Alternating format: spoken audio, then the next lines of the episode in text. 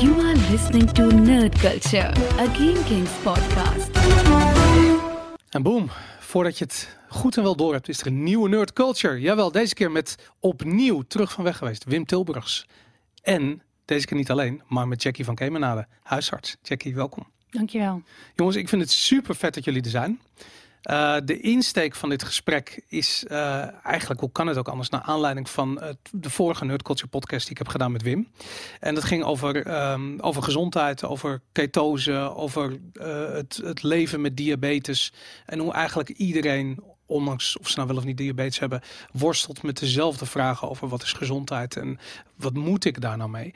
Nou, um, inmiddels uh, zijn we een jaar verder volgens mij. Eh, vorige keer dat we dat gedaan hebben, jouw stichting of jullie stichting moet ik zeggen, want jullie zijn allebei betrokken uh, bij de stichting, is inmiddels ontwikkeld. Um, en wat ik heel erg tof vind, is dat er een soort um, ja, adoptie begint plaats te vinden vanuit de medische wereld. Van, uh, of eigenlijk voor het idee dat ketose en keto een oplossing zou kunnen zijn voor een groot uh, medisch ja, gezondheidsprobleem waar we met de hele maatschappij voor staan. En daar wil ik het eigenlijk vandaag met jullie over gaan hebben. En dat vind ik super cool dat jullie er zijn. Ja, dankjewel. ja, super tof. Wij ook. ja. Um, ik, ik denk eigenlijk dat we moeten gaan beginnen bij uh, de vraag uh, en dat is een beetje dubbel, want dat hebben we vorige keer ook gedaan. Maar wat is gezondheid? En ik ben ook, Wim, van jou ben ik benieuwd uh, hoe jouw idee daarover is veranderd, misschien afgelopen jaar. En Jackie, als huisarts, uh, laten we met jou beginnen. hoe zie jij dat? Wat is gezondheid? Gezondheid um, is voor mij dat je de vrijheid hebt om te leven zoals je wil leven. En um, er zijn heel veel definities.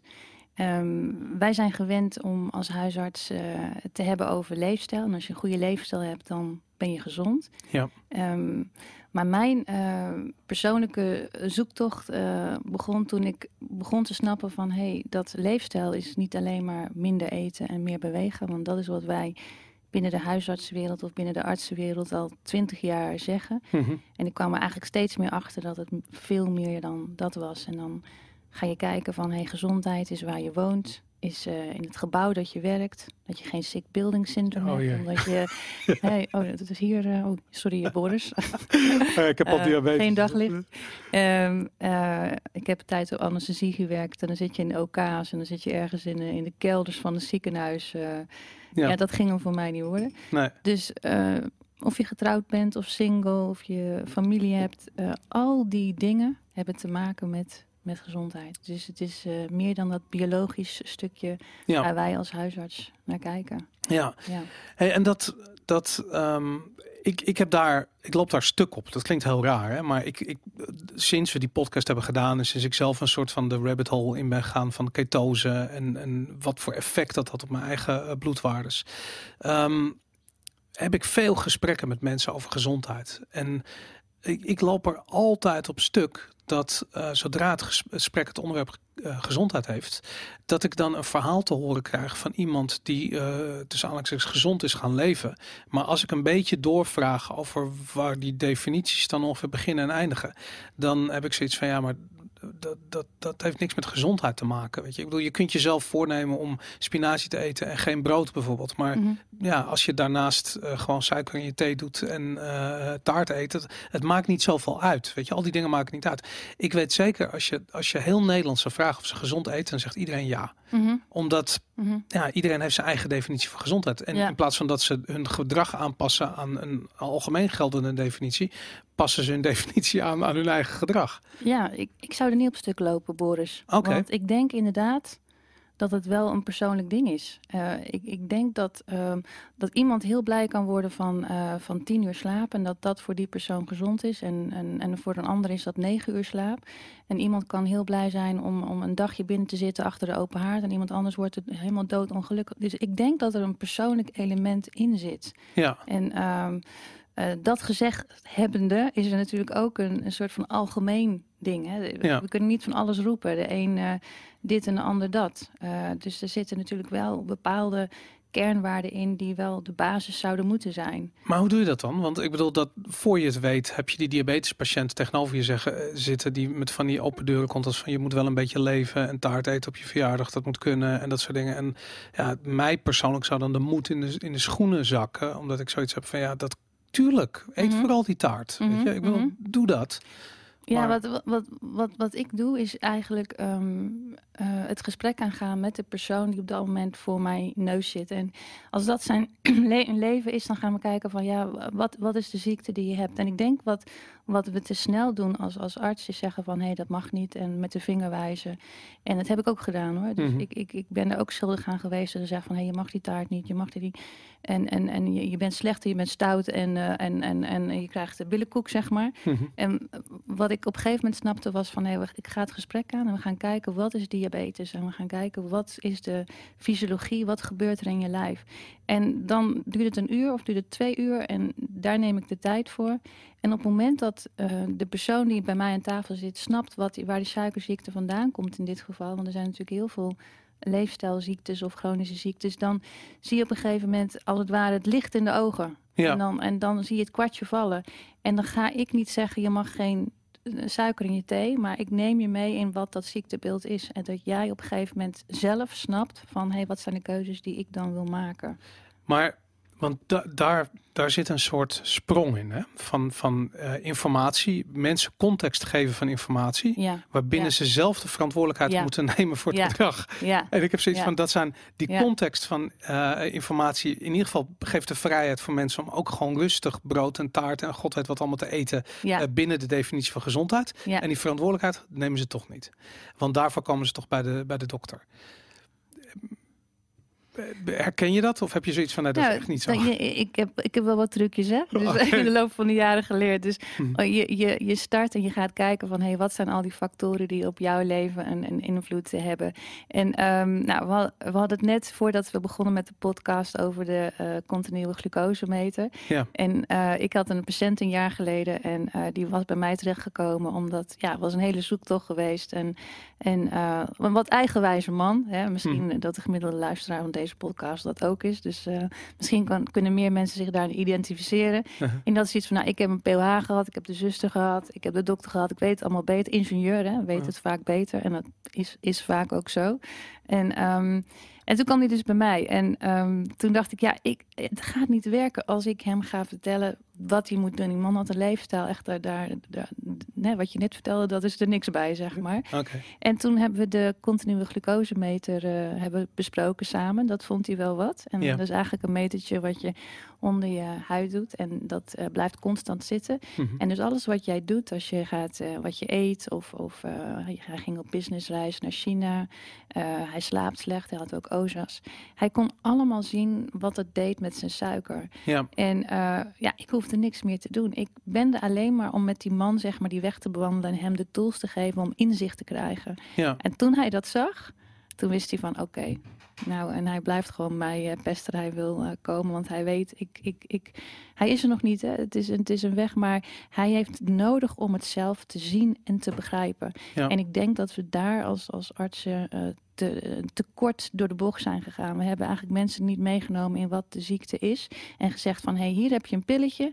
Dat lost alles op en dan komt het allemaal goed. Ja. En we vertellen er Want je hebt maar tien minuten in het spreekuur. En, eh, ja. Ja. Nou, ik, eh, laat ik zo zeggen, ik heb denk ik zes jaar, vijf of zes jaar diabetes gehad. Tenminste, de diagnose werd, werd, werd type gesteld. 2? Of Type 2, ja. En eh, ik had een, echt een BMI van 35. Ik was echt eh, eh, zwaar overgewicht. En eh, eh, nou goed, ik kreeg een kindje, burn-out. eh, eh, alles kwam, alles, bij achteraf gezien kan je prachtig uittekenen wat er mis is gegaan. Ehm, alleen, ehm, het heeft me, en dat vind ik tot op de dag van vandaag bizar, eh, vijf jaar gekost voordat iemand tegen mij het woord ketose zei. Mhm. En dat Mhm. was Wim. Ik weet zeker dat het Wim was. Als het niet misschien Daan de Wit was, toevallig in de podcast en zei van je moet met Wim gaan praten. eh, eh, want hij heeft eh, diabetes type 2 en hij heeft dat uh, tussen aanhalingstekens genezen. Ehm, ik had er nog nooit van gehoord. En ik vind het echt bizar. Want het is de eerste keer dat ik namelijk een handleiding kreeg ehm, eh, voor een bepaald gedrag. Eh, vervolgens werd me de theorie erachter uitgelegd. Nou, dat snapte ik binnen twee weken hoe dat werkte. Mhm, mhm, Ehm, en ik kon het toepassen. mhm. En ik had gelijk zoiets van. En vervolgens ging mijn eh, bloedsuiker van eh, bij wijze van spreken. terwijl ik al te zeggen gezond leefde. ik kon insuline gaan spuiten. Dat ging helemaal terug naar volgens mij 43 HbA1c. Wat net boven de diabetesgrens zit. En ik weet zeker. Als ik meer mijn best had gedaan, had ik het eronder gekregen. Ook nog in diezelfde, in, diezelfde, in datzelfde half jaar. Mhm, mhm. En eh, hoe komt het dat dat woord ketose zo lastig valt? vinden we heel eng. Ja, Waar, waarom is dat? Eh, omdat ehm, wij eh, als, als arts leren van hey, als iemand type 1 diabetes krijgt, dan, dan gaan de stofjes in het bloed omhoog en dat zijn de ketonen. En eh, die worden heel erg hoog. En Ja. eh, wij associëren zeg maar ketose met dat ziektebeeld van een patiënt met een nieuw type 1 diabetes daarmee. En ehm, Dat misschien. heet ketoacidose. Ja, toch? dat is de ketoacidose. Dat is iets heel anders eigenlijk dan de ketose waar jij het over hebt. En ik weet niet of iedereen het, eh, die luistert weet wat het is. Maar in feite is het zo, op het moment dat jij diabetes hebt, dan gaan jouw bloedsuikers omhoog. En wat heeft een hele groot effect op jouw bloedsuikers zijn natuurlijk als je constant eet. En vooral als je veel suikers en koolhydraten eet. Mhm. En dan eh, ook als je vaak eet, constant tussendoortjes en de hele tijd is, dat, is die suikerspiegel hoog. En blijf je eigenlijk dat stukje verbranden. Dus dat noem ik altijd eh, de koelkast. Dat zijn eigenlijk de snelle calorieën die we snel uit de koelkast kunnen halen. En op het moment, we hebben eigenlijk allemaal een, een vetrandje. Nou, je had een BMI van 35, dus dat vetrandje zal je ook. Of het was allemaal goede Dat weet ik niet. Is allemaal spier. Allemaal spier. Maar de meeste van ons hebben wel een. En dat, dat, is, eigenlijk, eh, dat is eigenlijk je kelder, zeg maar. Daar zitten je reserve eh, eh, calorieën. Maar we komen daar niet meer, omdat we constant uit de, uit koelkast eten. Op het moment dat we een tijdje niet eten of heel laag in koolhydraten gaan eten, Mhm. dus heel koolhydraat beperkt, dan komen we dus, hè, er zijn, dan kunnen we niet meer uit de koelkast eten. Er zijn geen koolhydraten, geen snelle suikers om te eten. En dan gaan we uit die kelderkast eten. En dan gaan we eigenlijk dat vet verbranden. En als we dat vet gaan verbranden, dan komen er stofjes bij. En dat zijn de ketonen. En eh, daar krijgen we eigenlijk onze energie van. En dan heb je dus een heel laag suikergehalte. En dan gaat je insuline gaat ook naar beneden. En dat klinkt gek, maar dat is heel belangrijk in die beginfase van die type 2 diabetes. En dan zie je dat je waardes enorm gaan verbeteren. Ja. Maar eh, dat is een hele gezonde, eh, een, een hele gezond iets voor iemand met type 2 diabetes die het niet kan doorbreken zoals jij, om dat te gaan doen. Maar ik kijk even naar Wim, want jij bent de expert, want jij hebt zelf gedaan. Ehm, dus misschien eh, moet jij maar vertellen hoe je dat gedaan hebt. Wat, wat- is het, Wim, wat, is het effect voor jou geweest? Op, en dit, is- dit hebben we natuurlijk in onze vorige podcast een klein beetje besproken. Maar nog even voor de mensen die dat toen niet hebben gehoord. Maar wat was het effect op jouw gezondheid? En het is echt de laatste keer dat ik dat woord ga uitspreken vandaag. Maar Beloof je dat? Eh, Dat beloof ik inderdaad. maar wat, wat was het effect op je, op je bloed, op je, hoe je je voelde op het moment dat je eh, in ketose ging? Een wonder. ja, een wonder. Eh, Anders was ik nu dood geweest. Dat, dat be- vooropgesteld. eh, ja, ik, kon binnen, ik was zwaar aan de insuline. 200 eenheden per dag. En ik kon binnen twee dagen stoppen. Ja, En ik ben in, in een maand tijd 10 kilo afgevallen. In vijf maanden 40 kilo. En ja, ik, ik kan weer sporten. Ik ben, ik, ben, ik ben 30... je- Als het een pilletje was geweest, was ik, waren we nu archimiljardair. Want ja. Zeker ja, weten. ja ik, ik ben verjongd, vernieuwd, hersteld. Eh, ja, En ik bedoel, kijk, jij bent, ik, ik ken je een jaar nu. En in die jaar zie ik je elke dag eh, je, eh, vanuit de stichting die je hebt opgezet, eh, artikelen posten. Je bent bezig met een hele groep aan diabetespatiënten. Die ben je eigenlijk aan het begeleiden, soort van met zachte hand aan het sturen richting die ketose. Wat is die, wat, waarom is het zo ontzettend moeilijk voor mensen om die verantwoordelijkheid te nemen. En die zeggen van, ik ga nu anders met eten om. Ik ga deze regels hanteren, namelijk minder dan 20 gram koolhydraten per dag. Eh, ik ga beginnen met eh, intermittent fasting. Er is een Nederlands woord voor volgens mij, maar ehm, ehm, a- met, af en toe even vasten. Intimiderend eh, vasten, ja. Intimiderend. Ja, oh, Intimiderend. Peri- peri- peri- periodiek vasten. Periodiek vasten, ja. Maar goed, dus, dat, eh, eh, dus dan, dan, dan gaan ze dat doen. Ehm, waarom is het zo moeilijk? Wat, wat is daar nou de uitdaging aan? Ehm, kennis, want jij had ook nog nooit van eh, ketose gehoord. En het, Mhm. eh, hè, het was in het begin, had, toen, ik, toen ik het deed in 2015, er was geen woord Nederlands wat jij kon vinden, wat je kon googlen, Ja, waar het over ke- ketose ging. En als ik nu kijk eh, in de statistieken van mijn site, wij worden het meest gevonden op het woord ketonen. Ja, Dus er moet een bewustwording, dus er moet kennis eh, ontstaan. En dan, en dan is het, ja, wat eet je dan? ja? En dan heb je natuurlijk ook nog eh, de brainwash? De, hoe mensen opgevoed zijn. Dat we met magere producten en light en dat soort Ja. dingen. Dus het is toch wel een, eh, ja, een hele andere manier van leven. Van wat eigenlijk tegen, tegen ingaat wat je geleerd hebt. we, hebben het daar vorige keer natuurlijk over gehad. En we zijn niet mild geweest voor de voedingsindustrie. En eh, ook, ook de farmaceutische industrie, die natuurlijk belang eh, erbij hebben om mensen van alles en nog wat aan te smeren. Wat ze eh, misschien niet nodig zouden hebben als ze bijvoorbeeld een eh, ketogeen dieet zouden volgen. Jackie, hoe zie jij dat? Hoe, hoe, ik wil, je, je bent aan de ene kant werkzaam in een industrie die gespecialiseerd is in ziektes. En bij de gezondheid eigenlijk geen belang. Ja, het klinkt super stom. want Natuurlijk heb je wel een belang. Omdat het is natuurlijk, je, je bent heel gemotiveerd om mensen eh, eh, eh, beter de deur uit te laten gaan dan dat ze binnenkomen, bij wijze van spreken. Maar de industrie in zijn totaliteit is dat vreemd genoeg niet. Hoe zie jij dat? Ja, dat is- we hebben eigenlijk een raar beroep inderdaad. En ik moet zeggen, een van de. eh, ik, ik heb altijd in een gezondheidscentrum eh, gewerkt, die we met een hele groep mensen samen hadden opgericht. Ehm, en mijn praktijk eh, zat naast de praktijk van een eh, collega acupuncturist. En hij was in die tijd al met voeding bezig en, en, en eigenlijk in die voorfase. En wij hadden altijd hele leuke gesprekken en dat heeft mij ook enorm geïnspireerd. En misschien zat ik nu wel niet hier als dat niet door die gesprekken was geweest. En hij, zei, hij maakt altijd een lijn. Hij zei van nou, de acupunctuur is eigenlijk, eh, wij pakken de hele lijn van de gezondheid van de mens. En op een gegeven moment komt er eigenlijk een, een keldering in en iemand valt in elkaar of zakt in elkaar door een bepaalde ziekte. En dan komen jullie.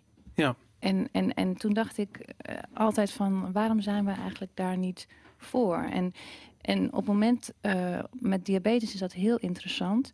Want wij eh, gaan iemand behandelen op het moment dat die suiker eh, boven een bepaalde waarde is. Mhm. En we zeggen als je boven 6 millimol per liter zit, dan is die verhoogd en boven de 7, dan heb je diabetes.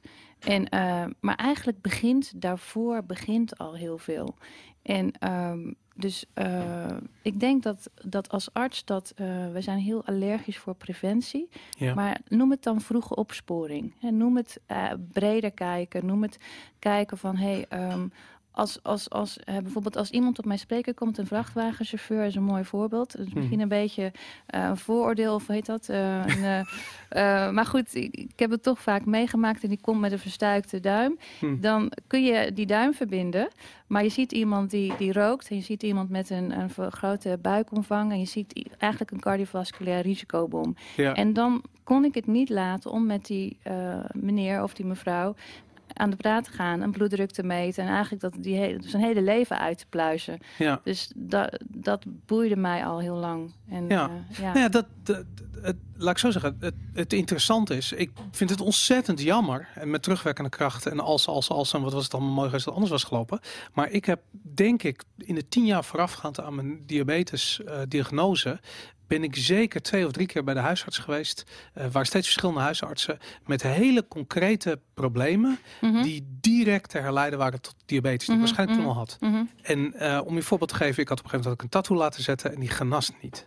En, eh, maar op een manier dat ik dacht, ik herken dit niet. Weet je, ik bedoel, dat is, het is vrij oppervlakkig, een beetje alsof je een brandwond hebt. En dat is, binnen een paar dagen is dat weg. Dit was drie weken nog steeds open. Ja. En eh, ik ga bij die huisarts, ik zei, hey, die tattoo geneest niet. En zij, ze- zij zei toen tegen me van, ja, dan moet je geen tattoos laten zetten.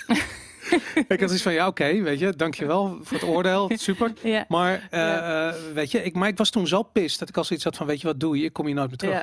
Terwijl achteraf het enige wat ze had moeten doen op dat ogenblik was heel eventjes mijn suiker meten. That's it. Ja. Want het ligt te voor de hand dat dat met elkaar te maken heeft. Ja, weet je, weet je wat het is? Het is, ehm, kijk, hoe ik dan zo eh, jou zou zien, of inderdaad eh, iemand die komt met een klein dingetje waar eigenlijk iets achter zit. Hè, Ja. Is je komt, die staat eigenlijk op een dobberend schipje. En eh, ik ben alleen maar die tattoo aan het een pleister op aan het plakken of alleen maar die vinger aan het verbinden. Maar dat schipje is aan het dobberen. Je gezondheid is aan het wiebelen. Ja. En als ik niet kijk naar waar jij staat, waar jou, hè, dan ben ik in mijn ogen geen goede dokter. Want dat Ja. is eh, alleen die tattoo of alleen dat dingetje is de oppervlakte. Maar wat er meer speelt, daar gaat het nou echt om. En dat is wat ik als arts wil. Anderzijds begrijp ik jouw eh, dokter wel.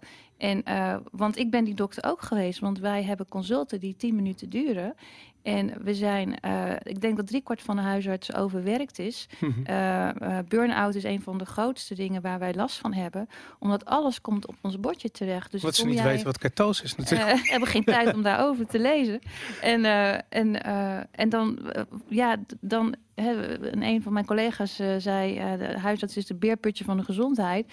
En, en dus daarin, qua organisatie, daar moet ook nog veel gebeuren. En dus ik snap ook wel, hè, je hebt het druk, jij komt binnen met je tattoo. ja. Eh, eh, Lijkt en- een lulverhaal natuurlijk. En eh, ja, natuurlijk. En, Maar want ik vind dat, voor mij is dat de essentie namelijk. Want als je ehm, eh, eh, iemand zei, volgens mij was dat Hanno Peil, die zei ooit, eh, eh, artsen eh, of ziekenhuizen zijn heel erg goed in crisissituaties en verschrikkelijk slecht in chronische ziektes. ja. Daar, heb- daar heb je eigenlijk niks te zoeken in een ziekenhuis. Klinkt heel dubbel, maar het zijn altijd de, eh, de crisissen die ontstaan uit chronische ziektes die behandeld worden in het ziekenhuis. Maar de chronische ziekte is een pilletje en eh, Mhm. doe maar gezond, Mhm. tussen veel succes en doei. Ehm, maar eh, ehm, wat heb je dan? Nou, dan heb je de huisarts. En dat is inderdaad die 10 minuten. Ehm, in mijn geval altijd iemand anders. Ik heb nooit. Ja. en dat is, want ik, hoe vaak ga je, gaat, gaat iemand naar de huisarts? Ik, Ja. Misschien één, twee keer per jaar, weet, weet ik het.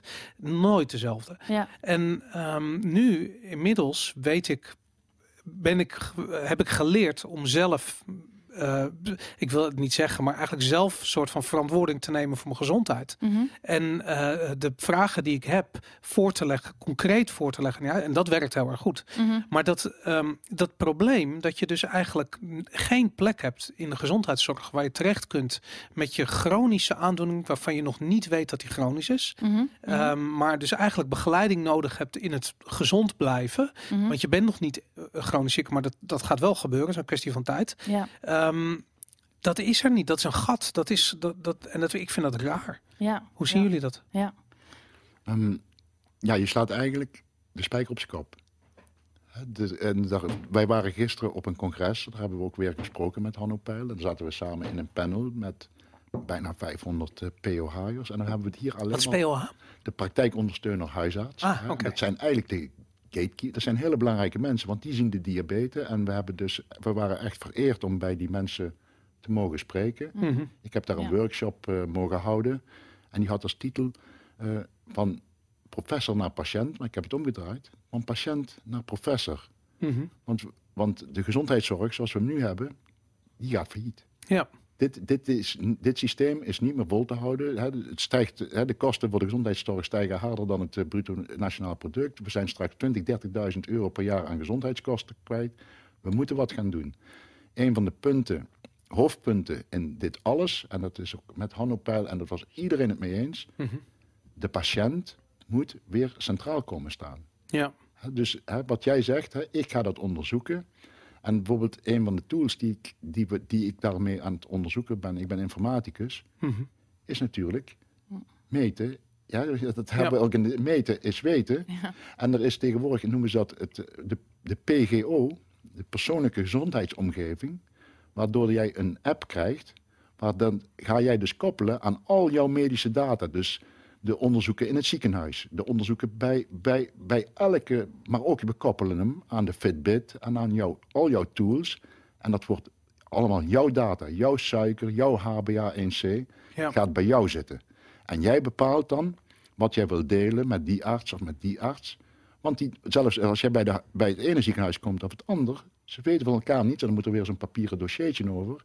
Ja. En dat, dat werkt allemaal niet. Dus als die mens, als jij baas moet worden van jouw gezondheid, moet je eerst beginnen met je eigen data te hebben. Ja. En dan kun je gaan zeggen, ik ga mijn, eh, hoe ver, dan weet je als je naar een dokter gaat, dit zijn mijn waarden, kun je van tevoren je voorbereiden op die waarden. Je kunt wat gaan googlen. Ja. Maar de enige manier waarop wij het failliet van de gezondheidszorg kunnen voorkomen, is door mensen weer aansprakelijk te maken en ook geloven dat mensen ook dingen zelf uit kunnen zoeken, zoals ik het zelf uitgezocht heb, dat ze ook moeten respecteren dat patiënten ook mensen zijn die ook hersenen hebben en dat omdat hun dan toevallig acht jaar medicijnen hebben gestudeerd. Mhm. En dan noem ik nog echt het woord medicijnen. Ja. Hè, gezondheidszorg hebben ze niet ja, gestudeerd. het heet eigenlijk het heet niet voor niks een ziekenhuis. Het heet ook niet een gezondheidshuis. Het heet een ziekenhuis. Ja, precies. dat- hè, dus ja. hè, dat, dat is wat, dus je kan het ze ook niet kwalijk nemen, want zo, zo zijn ze, ja, dat hebben ze op school zo geleerd. Ja. Hè, maar het kan zo niet langer. Wij moeten over van ziekenzorg naar gezondheidszorg. En er is maar één mens die dat kan doen. Dat ben jezelf. Ik, heb, ik was ziek. Ik, hè, we, we, we, we moeten niet, we moeten stoppen maar naar die dokter. Mhm. Geef mij maar een pilletje. Maar, dat is, maar er moet ook een, een, een verandering bij de mensen zelf komen. Ja. Hè, je gaat niet naar die dokter, want die heeft die oplossing niet. Ja. Die dokter moet een andere rol krijgen. De, de patiënt moet een andere rol krijgen. Die patiënt is uiteindelijk verantwoordelijk. Die kiest ervoor of hij dat slagroomtaartje eet of niet. Hey, maar vorige keer hebben we het daarover gehad. En toen zei je, eh, we hadden het over hoe moeilijk het is om de omschakeling te maken van een eh, eh, eten wat je wil dieet naar een, een ketogeen dieet bijvoorbeeld. Echt in, jezelf in ketose te brengen. En toen zei je van 1, maximaal anderhalf procent van alle patiënten is in staat om dat te doen. Omdat het namelijk los van gewoon de levensstijlaanpassing ook een psychologisch proces is wat je door moet gaan. Je moet de verantwoordelijkheid nemen. je moet jezelf toe zetten. Je moet die motivatie ergens vandaan halen. En ik bedoel, de eerste week is makkelijk. eh, en de, het, het, het derde jaar is gewoon lood en loodzwaar. Hoe, hoe zie je dat dan? Kun, kun je van iedereen in Nederland verwachten dat ze, ehm, dat ze zelf de verantwoordelijkheid voor hun gezondheid nemen? Kijk, ik, ik, ik wil niet van iedereen in Nederland verwachten dat ze in ketose gaan. Mhm. Maar ik wil wel, wel in ieder, in, dat, dat ze in ieder geval weten waar ze mee bezig zijn.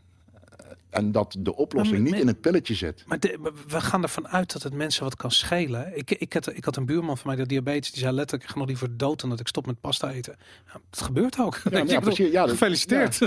Het is een heel haalbaar doelstelling. Ik heb dus, omdat wij nu inmiddels eh, meer dan duizend mensen in onze Facebookgroep eh, gewoon helemaal gratis begeleiden, hebben wij natuurlijk ook een bron van informatie waar ik Ja. bepaalde eh, enquêtes kan houden. Ja, En dan vraag ik bijvoorbeeld, wat is nu voor u een trigger om te starten met een leefstijlaanpassing? Hè? Want die mensen komen bij mij, dan heb- zijn ze al een beetje getriggerd ja, om er iets aan te gaan doen, anders kwamen ze niet. ja.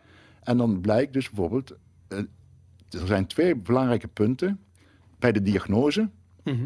Dan denken ze, oh, ik heb diabetes en ik moet nu medicijnen gaan slikken, nu wil ik er wat aan gaan doen. Ja, En het punt wanneer ze insuline moeten gaan spuiten. ja, Dat is ook een kritisch moment waarop die diabetes... En nou wordt het toch wel heel erg, want ze hebben het één pilletje, drie pilletjes, ja. vijf pilletjes. Ja. En dan moeten ze die insuline gaan spuiten. En daar ligt een omkeerpunt. is ook eng natuurlijk. Naald in jezelf, in je lichaam steken. Dat, eh, ja. Ja, en ik was al zover, ik stak die naald en wat er dan gebeurt met je, dat ook geestelijk, dat, wat, als die insuline, dat is zo'n sterk spul, dat, ja, dat, is, dat is echt heel, een beetje eng hoor. Ja, dat snap ik. Hey, en ehm, kijk, we hebben het heel erg over diabetes. Ehm, eh, tuurlijk, omdat we daar natuurlijk veel eh, praktijkkennis over hebben.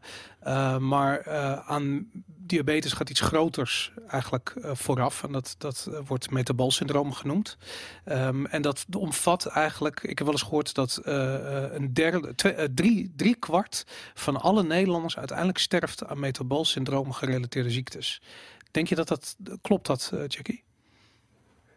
We hebben toch die, eh, we hebben dat gesprek gehad, hoeveel, weet dat ik je aan jou vroeg, hoeveel procent van de mensen in Ja. jouw praktijk, Ja, precies. Ja, hè, ja, die, eh, die, die een ziekte hebben, die verbonden zijn dus aan een leefstijl. Ja, ja. ja ik, ik ken de cijfers niet precies, eh, Boris, maar dat zou best wel eens kunnen kloppen. En ik heb dan ook weer behoefte, eh, zoals ik gisteren ook zei als huisarts, om het even uit te leggen. Want ik, eh, jij bent al heel ver, hoor ik. Hè? Jij weet al wat ketose is, jij weet wat metabool syndroom is. En jij gooit best wel met terminologie waar denk ik de meeste mensen nu luisteren, denken, waar heeft die vent het over? Ja. En dat valt me op in de praktijk. En dat viel ons gisteren ook op. Hè. En dat ehm, niet iedereen is al zover. Dus eh, iedereen heeft zijn, zijn niveau. En eigenlijk ehm, ga ik toch even iets vertellen over metabool syndroom en over Mhm. diabetes. Is van wat, wij, wat we zien in ons leven is dat we. Eh, we hebben veel factoren in ons leven, zoals gebrek aan slaap, eh, zoals stress en eigenlijk de kwaliteit van de voeding die we eten. Mhm. Veel snelle koolhydraten die veel snelle suikerpieken geven in ons bloed. Mhm. En op het moment dat we eigenlijk constant die suikerpieken hebben in ons bloed, want ook als je stress hebt, krijg je eigenlijk suiker in je bloed, omdat je Ja. lichaam denkt van hé, hey, ik heb energie nodig en die maakt suiker vrij uit je lever. Dus stress geeft suikerverhoging. En daar hebben wij in ons dagelijks leven als mens constant mee te maken. En onze afleesklier die denkt van hé, hey, die suikers zijn constant hoog. Ik ga insuline aanmaken om die suikers weer uit die, uh, uit die bloedbaan weg te halen. Want dat is Mhm. niet de bedoeling. Het moet niet te hoog worden. Dus die suikers worden weggevangen. En eigenlijk worden er steeds meer insuline aangemaakt door die alvleesklier om constant die suikers weg te nemen. En die ins- insuline ook bij dat metabool syndroom en ook in prediabetes is eigenlijk dat, dat is alleen maar aan het stijgen. Dus eigenlijk heb je dan op dat moment juist hoge insulinespiegels. En dat is Ja. even heel belangrijk om te zeggen, want heel veel mensen denken dat type 2 diabetes in principe per definitie een laag insulinespiegel is, maar eigenlijk in die voorstadium, omdat je constant dat lichaam overtriggert door al die zaken, waardoor constant die suikers door je lijf heen gieren. Dus door al die oorzaken, echt slaapgebrek kan dat ook geven, stress ook, kwaliteit van voeding. Ehm, en op een gegeven moment zijn er dus hele hoge insulinespiegels. Eh, er is een, eh, een, een, een- een man in eh, de 50 jaar geleden, een professor, die dat al heeft aangetoond. En ehm, dan op een gegeven moment dan, eh, dan denkt het lichaam van god, daar heb je die insuline weer met die suiker. Die moet weer ergens weggestouwd worden. En suiker wordt omgezet in triglyceride, dat is vet. En eh, dan denkt het lichaam, ja, wat moet ik ermee? Dus dat wordt eigenlijk in ons vetweefsel opgestouwd. Hè, omdat we, er is eigenlijk een soort van plekje van, nou bewaar het dan maar. Net als de kameel die zijn beeld heeft. Nou, daar wordt eigenlijk het eh, vocht bewaard voor in de woestijn. En, ehm, en, maar op een gegeven moment dan, dan, dan kan het niet meer. Dan zeggen de cellen van, ja, hallo is, het is mooi. En dan worden we, wat we zeggen, insulineresistent. En, en dan, dan, dan, hè, dan luisteren die cellen niet meer naar insuline of, of de insuline kan zijn werk niet meer doen. En dan, eh, dan heb je dat metabool syndroom, hè, wat je net noemde, van je hebt dan insulineresistentie. Dus Mhm. dat is een heel belangrijk factor van metabool syndroom, maar dat meten we niet in Nederland. Ja. En, eh, maar wel zie je dat bijvoorbeeld je triglyceriden omhoog gaan, dat meten we wel. Eh, je ziet dat mensen een vergrote buikomvang hebben, omdat al die suikers die omgezet worden in vet, die worden eigenlijk lekker in die taille omgezet. Hè? En, eh, en, en daar worden ze gestouwd. En we zijn alleen maar aan het stouwen en we zijn niet meer aan het terughalen. Klopt het ook dat op het moment dat je lichaam zegt van nou, ik word nu insulineresistent, het is nu even genoeg geweest, dat je op dat moment begint af te vallen? Als je insulineresistent wordt, dat je dan gaat afvallen. Ja, dat had, Nee. ik, dat had ik zelf namelijk. eh, dat ik merkte op een gegeven moment van nou, ik was echt heel dik. Mhm. En, dat, en wat ik me bedacht had is van nou, dat is dat proces waarbij insuline je lichaam het signaal geeft van oké, alle suiker moet als vet worden opgeslagen. Mhm. En op een gegeven moment stopte dat. Er was een soort punt bereikt. Ja, Waarop ik ja. gewoon eigenlijk, terwijl ik mijn leefstijl, ik, ik begon af te vallen. Mensen hadden zoiets van, je bent zeker, je, ben je met je gezondheid bezig, weet je. En ik had echt zo van, nee, maar ja, ik, ik zei ja, weet je, want iedereen zegt ja op die vraag. Mhm. Ehm, maar dat was niet zo. Achteraf gezien denk ik dat het daarmee te maken had. Maar Ja, ik denk dat wat er dan misschien gebeurde, maar dat kunnen we misschien niet meer terug, is dat, kijk, je, je, heel veel mensen denken dat vet ongezond is. Hè? Maar vet kan eigenlijk een, een, een vetweefsel kan eigenlijk een buffer zijn. Dus eh, vrouwen hebben eh, soms eh, mooie brede heupen, eh, vooral eh, Zuid-Amerikaanse vrouwen, slanke taille, Mhm. eh, eh, grote billen. En dat is eigenlijk helemaal niet zo ongezond, want dat is eigenlijk een soort van buffer waar je zeg maar die overtollige suikers die omgezet worden in vet lekker kan stouwen. En dat is eigenlijk wat we noemen gezond vet. Is eigenlijk eh, net als die kameel, als, eh, dat is een mooie plek om het te stouwen. ja, Maar op een gegeven moment eh, is dat vol, is die buffer vol. En dan kan het daar niet meer. Dan is het hè, vol is vol. En dan gaat het eigenlijk naar je buik. En dan gaat het op andere plekken zitten. ja. En dat noemen we visceraal vet of ectopisch vet. Zelfs bij je alvleesklier in je lever. Je lever gaat vervetten. Zelfs in je hart. Op, op, op hele moeilijk. En dan heb je echt ectopisch vet. Dus dan komt het op een andere plek. En dan ziet het er anders uit. ja. En, eh, en eh, dat is eigenlijk het eh, gevaarlijke. Ja, oké, oké. Ja. Nou goed. Hey, en ehm, kijk, we hebben, het- we hebben het veel over di diabetes gehad, maar dat, dat bredere eh, verhaal eigenlijk over dat metaboolsyndroom, waarvan eh, er gezegd wordt dat driekwart van alle Nederlanders er uiteindelijk aan sterft. Dat is natuurlijk ook waar die gigantische gezondheidskosten vandaan komen. Het behandelen van die chronische ziektes, hart, hart- en vaatziektes, diabetes, maar ook, ik, ik geloof 40% van alle vormen van kanker zijn te herleiden tot lifestyle ziektes en metabool eh, aandoeningen. Ehm, als je, laat ik zo zeggen, hoe ga je om met, ik bedoel, als we er even vanuit gaan dat driekwart van alle Nederlanders die dus doodgaan aan, aan, aan metabolziektes, die komen eerst bij de huisarts. En dat betekent Gezellig. grofweg gezegd, driekwart van alle patiënten die bij jou binnenkomen, eh, die hebben een aandoening die kan worden opgelost door middel van lifestyle Mhm. aanpassingen. Mhm. Ten eerste, hoe zorg je dat je niet een grammofoonplaat wordt? Want je bent de hele tijd hetzelfde aan het vertellen. Mhm. Eh, en hoe, ehm, ja, hoe ga je daarmee om? Hoe werkt dat? Eh, nou, we hebben, we hebben dus een hè, cardiovasculair risicomanagement noemen we, noemen we dat. Daar hebben we dus hele mooie tabellen voor. En eh, op een gegeven moment gaan we iedereen in zo'n tabel plotten. Hè. Dan, Mhm. word je, dan, wordt, dan wordt je schaakbord en dan ben je rood, groen of eh, rood, groen of geel. Dus rood is, eh, ben je hoog risico, geel ben je intermediate en groen ben je laag risico. En om je in dat, om je in dat tabel te plotten. Ik weet niet of dat, eh, dat klinkt niet zo heel respectvol. Dat, het klinkt, het klinkt gek, maar dan moeten we de bloeddruk weten. We moeten weten of je rookt. We moeten weten eh, wat je cholesterolwaarden zijn. Eh, man, vrouw, dat soort zaken hebben er allemaal mee te Mhm. maken. En dat wordt dus inderdaad door de, vaak ook door de PLH gedaan. En dan hebben we een beetje een idee van waar zit iemand. En dan gaan we daarmee aan de slag op verschillende manieren. En, Wacht, ik hoor je cholesterol zeggen. ja, ik Het durf, het, ik durf, is ik durf het bijna niet. Dus ik, ik Ja. zei het en denk, oh god. Ja, ik vind dat dat was namelijk direct na onze uitzending eh, vorige keer, eh, Wim, is dat de rabbit hole waar ik in terecht kwam. Dat was namelijk, kijk, voor de mensen die dat nog nooit gedaan hebben, op het moment dat je eh, in ketose gaat, dat betekent dat je eigenlijk 85% van al je eh, eh, calorieën komen uit vet. Eh, v- eh, 10% komt uit eiwitten en nog maar 5% komt uit koolhydraten. Ehm, dat betekent dat je, je gaat dus echt veel vetter eten. Ehm, met als gevolg dat je cholesterol omhoog gaat. En eh, ik had het direct. Dus ik ging naar de huisarts. eh, of eigenlijk de diabetesverpleegkundige waar je dan elk half jaar terecht komt. En dat bloedonderzoek en zo. Nou, koos fantastisch. Maar dat, dat LDL.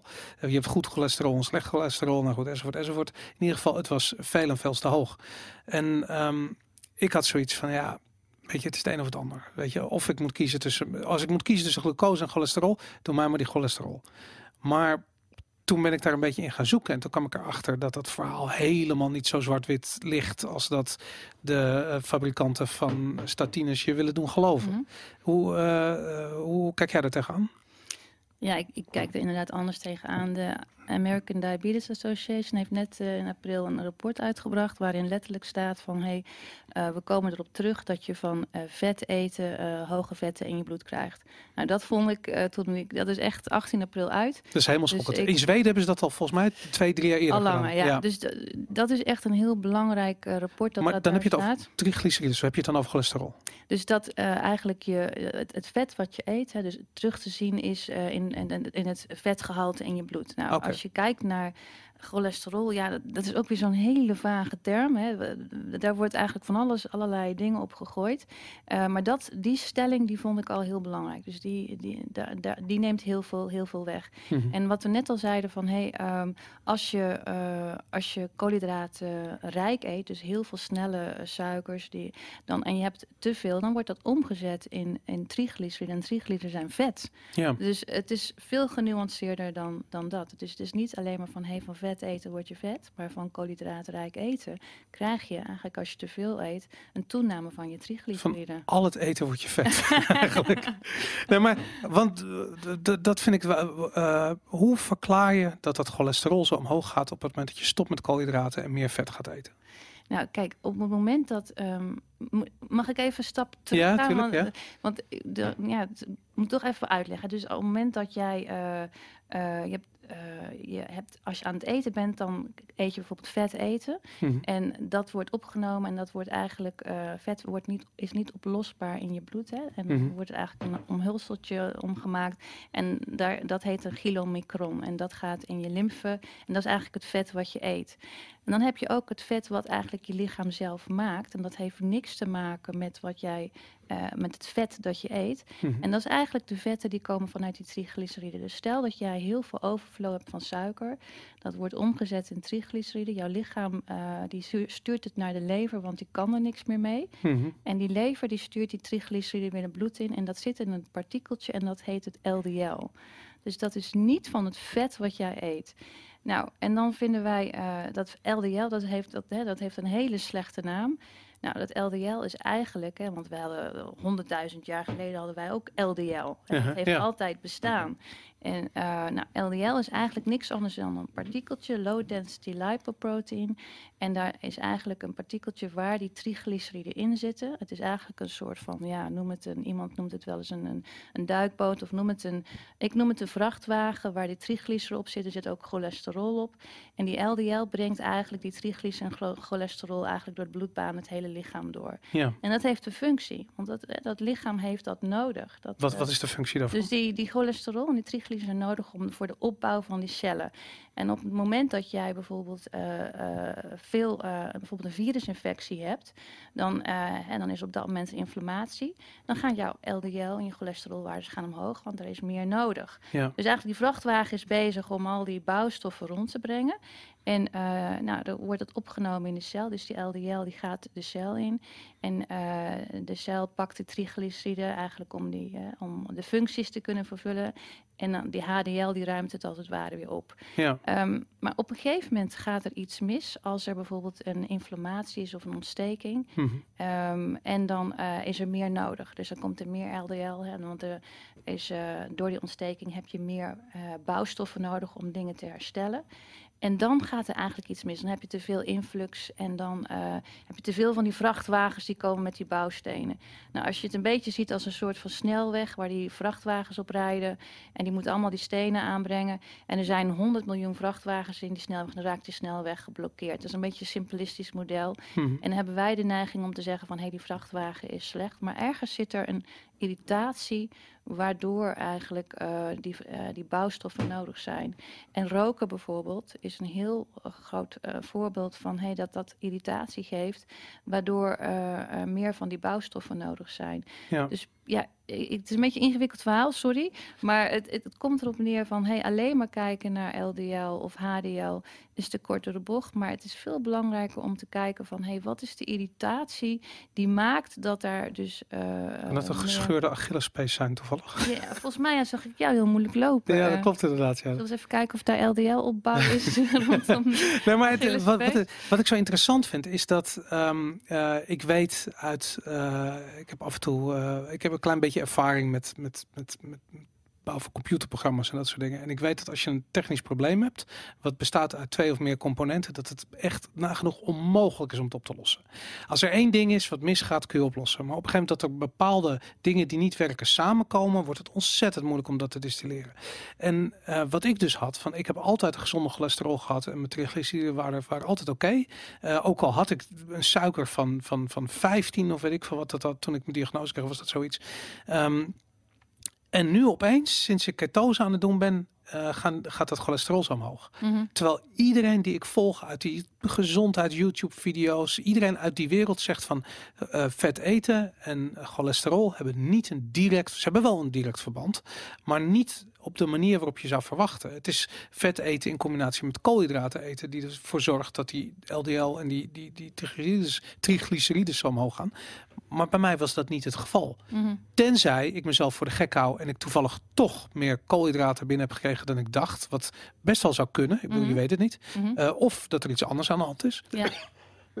Of ik misschien ergens een soort ontsteking heb of een griepje of weet ik veel. Iets wat daarvoor zorgde. Mhm. Alleen, ik heb er geen ervaring mee. Dus ik had zoiets van ja, dat cholesterolverhaal is gewoon behoorlijk controversieel. Zeker. Want ja. mijn huisarts zegt van ja, ga maar aan de statines. Dat Mhm. zijn de cholesterolverlagers. En ik Ja. heb zoiets van ja, nee, dank, dankjewel, dat hoeft niet. Maar Mhm. maar ja, ik, Wim, hoe kijk jij tegen cholesterol aan?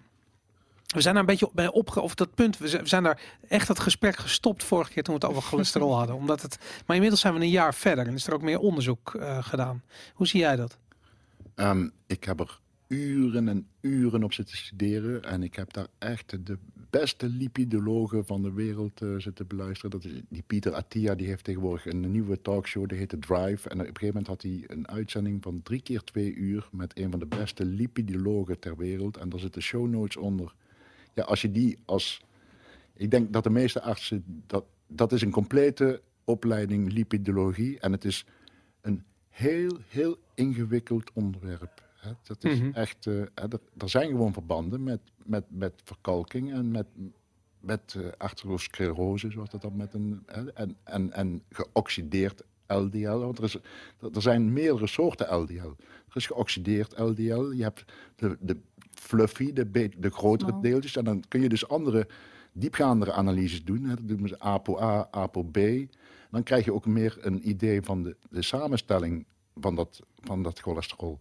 Maar ik denk, het feit, hè, wat, wat, is, wat is het risico dat jij loopt op een hartinfarct? Dat is eigenlijk wat, wat belangrijk is.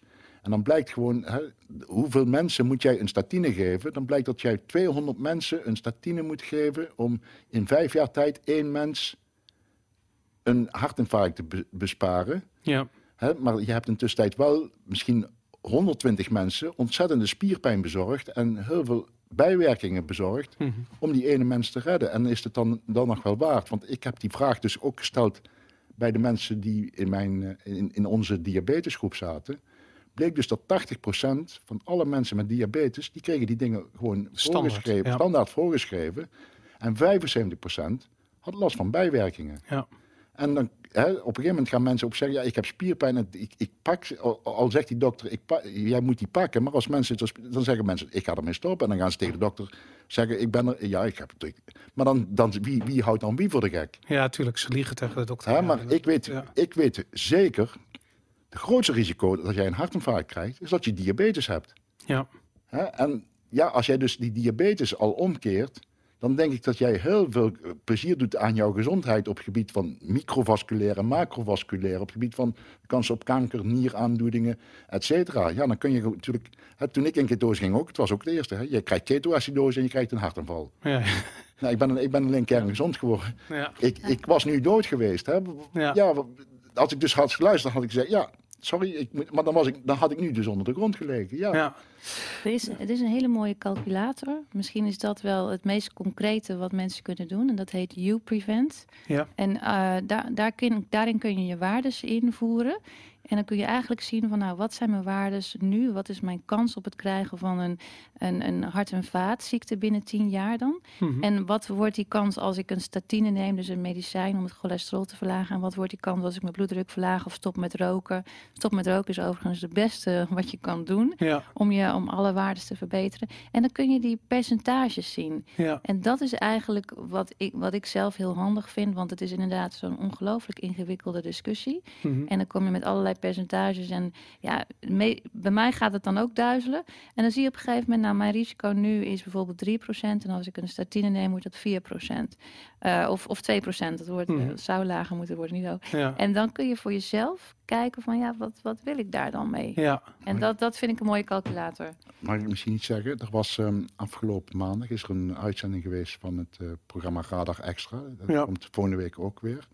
En deze eerste aflevering ging over cholesterol. En er kwamen dus eh Hanno Peil, er kwamen cardiologen aan het woord.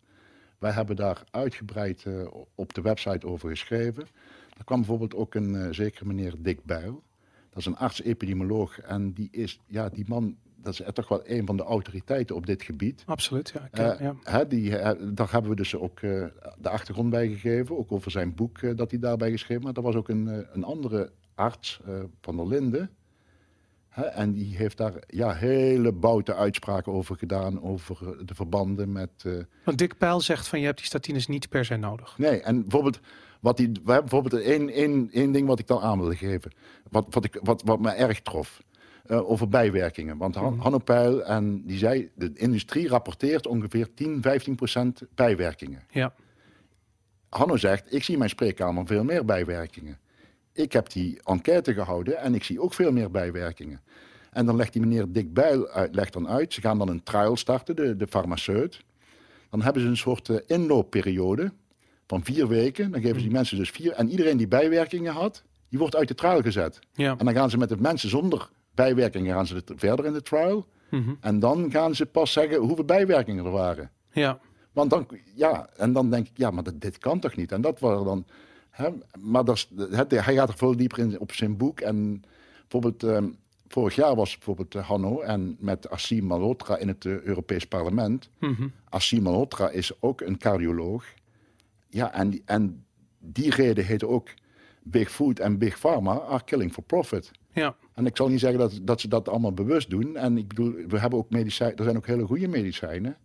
Maar ze, ze, ze hebben natuurlijk wel een drijfveer die op Wall Street ligt. En die ligt niet bij, bij mij hoor. Ja, ik, heb het, ik ben er heel uitgesproken daarin. Ik, ik, ik vind het gewoon het systeem ronduit corrupt. Weet je, ik bedoel, de, de, de tegenstelling waar we het net al over hadden, dat je een industrie hebt die eigenlijk eh, financieel belang heeft bij het eh, tegenovergestelde resultaat als wat ze zouden moeten vertegenwoordigen, Ja, namelijk ik- mensen gezond houden. Dat, dat zo'n perverse prikkel, dat gaat niet goed. Dus nee, nee. het kunnen best wel integere en heel veel integere mensen werkzaam zijn in zo'n industrie. Maar de industrie als geheel heeft een perverse prikkel die het eigenlijk per definitie eh, ondermijnt. Je moet, je moet gewoon tegen die, tegen die farmaceuten zeggen, u, op uw omzet eh, betaalt u 10% of 20% belasting. En daar betalen wij als overheid, als wij, als, wij betalen daar al het onderzoek van. En dat is voor iedereen.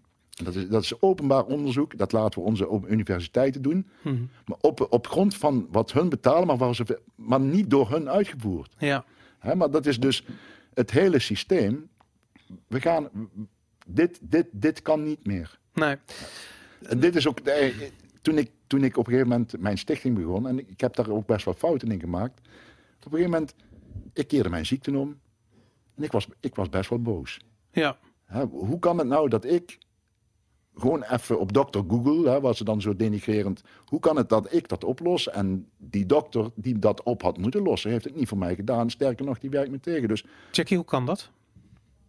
Dat de dokter Wim tegenwerkt? nee, nee, maar dat, dat, ik dus mijn, op, mijn, dat ik mezelf genezen heb en de dokter niet. dat En de patiënt de, de, de kennis van de arts overstijgt op zijn specifieke ziektebeeld.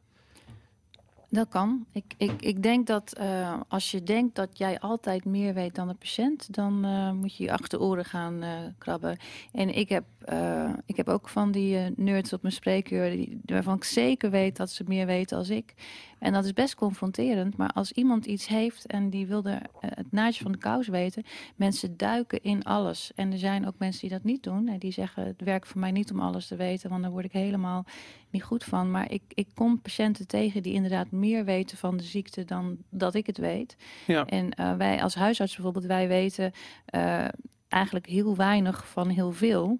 En de specialisten weten misschien heel veel van heel weinig. Ja. Dus als huisarts ben je heel breed. We weten van heel veel dingen een beetje, maar we weten inderdaad niet alles. Maar dan even terug naar dat, die, dat gegeven dat driekwart van alle Nederlanders sterft aan metabool syndroom gerelateerde ziektes. Is niet ketose en kennis van ketose en ketogeen dieet, is dat niet een soort van basiskennis eigenlijk? Als je kijkt wat voor effecten dat kan hebben. Ja, het is nog, denk ik, eh, eh, voor heel veel mensen heel omstreden. En ehm, we hebben nog geen lange termijn onderzoek. En als je ziet in je, in je, je eh, als je als arts eh, je opleiding, je universitaire opleiding, dan, dan eh, zijn er onderzoeken en dan komt het pas tien jaar later of zo, komt het ergens in, in het curriculum, is, is het zichtbaar en Ja. ga je het zelf als, als jonge arts leren. Dus ehm, dit is misschien nog te nieuw, te nieuw onderzoek voor diabetes. Ik weet dat voor epilepsie is het al heel lang bekend. Hè? Dus daar, Ja. daar is het misschien al, ja, wat is het, eh, 30, 40 jaar 100. weer, of, of 100 zelfs. Ehm, en dat het echt, eh, ja, 100 inderdaad. En dat het ongelooflijk eh, goed middel is om eh, epilepsie te bestrijden.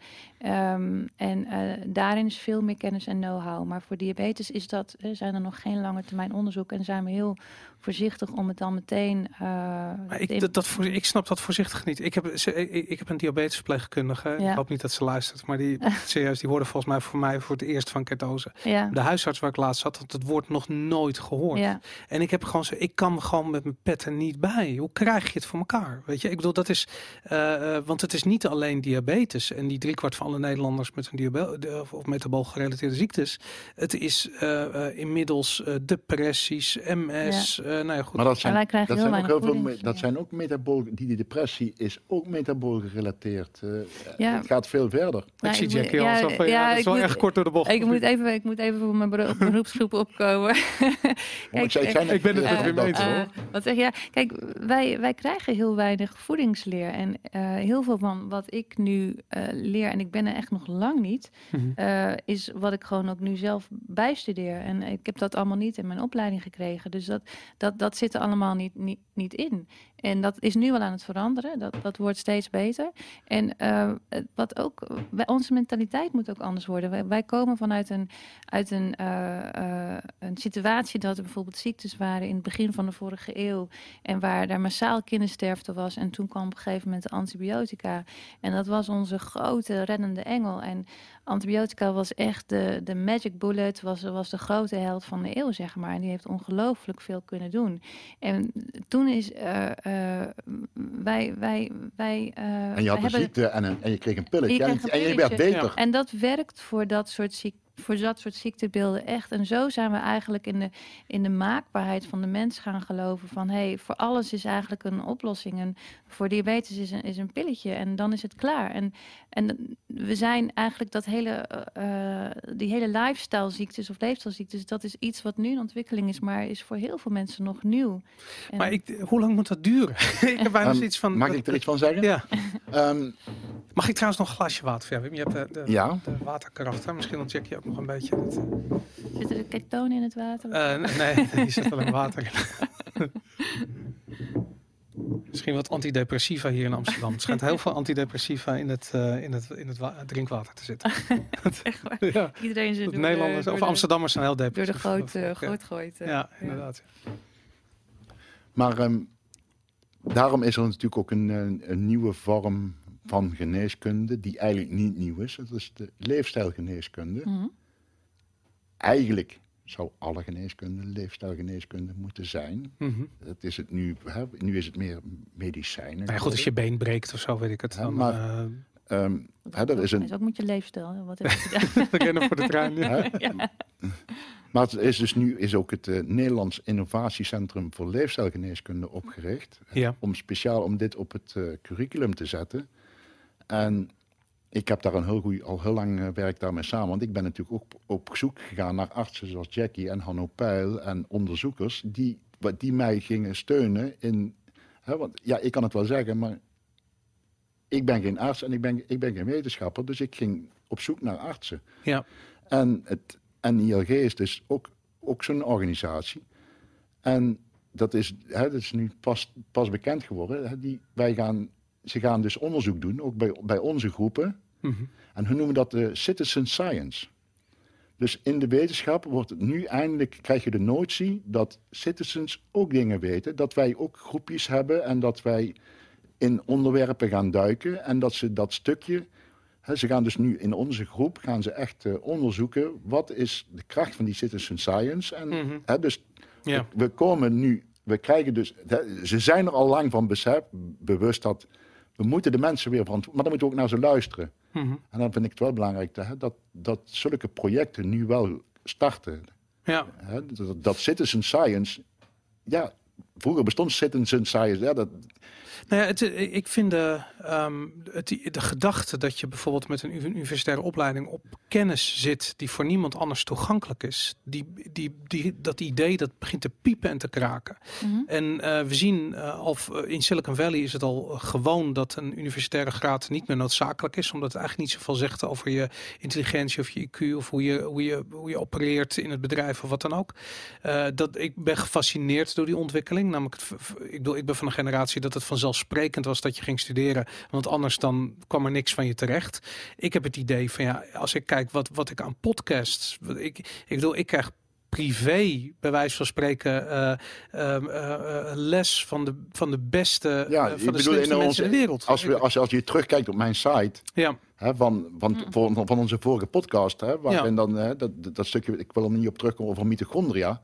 Ja. Je krijgt een complete les in, in, in, in, in microbiologie en in, in biochemie, Ja. die je gewoon online kan, kan Maar en dit volgen. gaat, dit gaat verder dan geneeskunde. Maar- dit maar- gaat Mhm. voor alles geldt. Maar vroeger Ja. was natuurlijk de universiteit was het kenniscentrum en daar Ja. was de bibliotheek. Maar die bibliotheek is online gezet. En omdat die bibliotheek online is, is die laagdrempelig geworden. En Ja. er is geen monopolie meer op kennis. Hè. De, de universiteit had vroeger een min of meer een monopolie op kennis. Ja, want Ja. die boeken moesten gedrukt worden. De, de bibliotheek was, Mm. hè, Ja. dat was je kennisinstituut. Maar nu kun je, kun je googlen. Het probleem is natuurlijk, Google staat zo vol. Je, Ja. kan, je kan alles, hè, ik bedoel, er is niet iets in Google waar, waarin je de twee uitersten tegen elkaar eh, hoort. Ja. Hè, want bijvoorbeeld, ehm, om een voorbeeld te noemen, ik zit eh, zelf maandag in, in die uitzending van Radar. Mhm. Hè, de eerste ging dan over eh, medicijnen en nu de tweede gaat over mensen die dus door leefstijl eh, aanpassingen ook van de medicijnen afgekomen zijn. Dus Ja. dat wordt heel interessant. Maar dan gaan ze twee dingen met elkaar vergelijken. Want hè, die, dan gaan ze kijken. ehm, er zijn mensen die zijn vegetarisch geworden Mhm. en die worden beter. En er zijn mensen die zijn ketogeen gegaan en die worden beter. Terwijl het toch wel een beetje, hè, het lijkt niet helemaal op elkaar. Hè, de vegetarisch en ketogeen. eh. Ik heb diabetes gekregen. Mijn druppel in de emmer was dat ik eh, vegetarisch ben gaan eten. Ik ben gestopt met vlees eten. En wat eet je als je stopt met vlees eten? Hoogstwaarschijnlijk meer koolhydraten. Nou, ik, ik wil dan natuurlijk. Kijk, een ketogeen dieet. Mhm. Hè, wat, wat is een ketogeen dieet? Je bent meetbaar in ketose. Nou, als jij eh, een emmertje zonnebloemolie pakt en je drinkt elke dag zonnebloemolie, Mhm. ben je gegarandeerd in ketose. Dat je binnen vijf jaar dood bent, is ook gegarandeerd. Hè, dus je moet, hè, we hebben het er gisteren Ja. een well-formulated ketogenic diet, hè, waarin voldoende bladgroenten zitten, zodat je toch aan je vezels komt. Hè. Het moet een well-formulated. En hetzelfde geldt voor een vegetarische. Kijk, je kan, er zijn tegenwoordig eh, vegetarische magnums. Ja. Je hebt, ja, ik bedoel, Unilever die is vol op met de, die hebben nu pas de, de vegetarische slager overgenomen. Hè, Oh dus- ja, heeft u niet leven de vegetarisch slaag gekocht? Wist je dat niet? Nee, dat Ja, wist die- ik niet. ja, hebben ze dat gewoon gekocht? Ja, die Oh, hebben ze dat dus. eh, je. hè, de- de- want de, hè, Vandaar dat het allemaal die sojarommel geworden is. Want het was, eerst hadden ze lupine namelijk. En dat is, dat is een plantaardig eiwit, wat best wel oké is. Maar die soja... dat- Maar dus- ik, nee, maar dus, kijk, als jij een vegetarisch dieet neemt met, met, goed, met echt planten, en dan, dan denk ik dat het gewoon, ah, dat het, het feit dat jij real food gaat eten, dus Ja. echt, echt gewoon wat recentelijk nog geleefd heeft, gewoon hè, groenten en waar die fabriek niet aangeweest is, ja. dan maakt het eigenlijk niet zoveel uit of jij nou ketogeen gaat of. Maar als jij de hele dag eh, als vegetariër pannenkoeken zit te eten met, met, met, met appelstroop. Ja. Dat is ook, dat is, dat, hè? En, Ja. en, en, en, en vegetarische magnums. Want ik had er wel voelen. begin- Binnenkort komen ze met vegetarische magnums. Dat kan general zijn. Ja, ja, ja, maar, eh, Ik denk dat wat, wat, wat, jij, eh, waar jij, wat je aanstipt, Pim, en daar ben ik het ook mee eens, is van eh, ketogeen kan voor een bepaalde groep mensen succesvol zijn, Hm. maar is het niet voor iedereen. En ieder mens is anders. Je hebt Voor wie is het dat niet eh, dan? Nou, sowieso heb je natuurlijk verschillende, verschillende genetische verschillen tussen mensen, waardoor je beter op het een reageert dan op het ander. En als je kijkt naar bijvoorbeeld het mediterraan eten, Mhm. Ehm, dat is voor de grootste groep mensen het meest gezond. Hè? Als je de alle, iedereen op één hoop gooit. Ja. En dan hebben we het nog niet eens dat je al diabetes hebt. Dan zitten daar heel veel gezonde groentes in en gezonde vetten. Waar je eigenlijk voor een, een grote algemene groep het meeste resultaat hebt. Maar ik denk dat als je bijvoorbeeld het Thaise eten zou onderzoeken. Want dat is gewoon niet gedaan. Mhm. Maar ik denk dat heeft ook heel veel gezonde groenten. En, en vers en onbewerkt. En niet uit pakjes en zakjes Ja. en, en, en vezelrijk. Ehm, ik denk dat er meerdere wegen zijn naar Rome, eh, maar dat het afhankelijk is van je metabole status, waar je bent, wat voor en, en je genetisch pakketje en je gevoeligheid, eh, je microbiome, dat zijn de bacteriën in je darm, die maken dat jouw voeding weer anders wordt eh, ehm, ver- verteerd dan bij anderen. Dus dat maakt dat jij een uniek mens bent en jij reageert op die, methode heel goed en anderen reageren er anders op.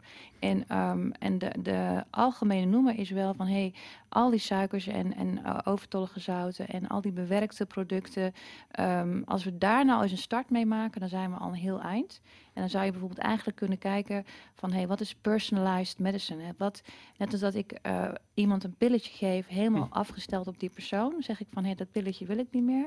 Maar ik wil een persoonlijk leefstijlplan voor jou maken. Wat Ja. voor jou werkt. ja, maar je hebt je praktijk in Breda. Ja, en ik woon in de kop van Nou, Noord-Holland. En ja we Maar, mag, ik, mag, ik misschien ook een, eh, een voorbeeld? Kijk, en dat is ook weer de rijkdom die, die we inmiddels hebben. Wij hebben in onze diabetesgroep hebben wij de zwem.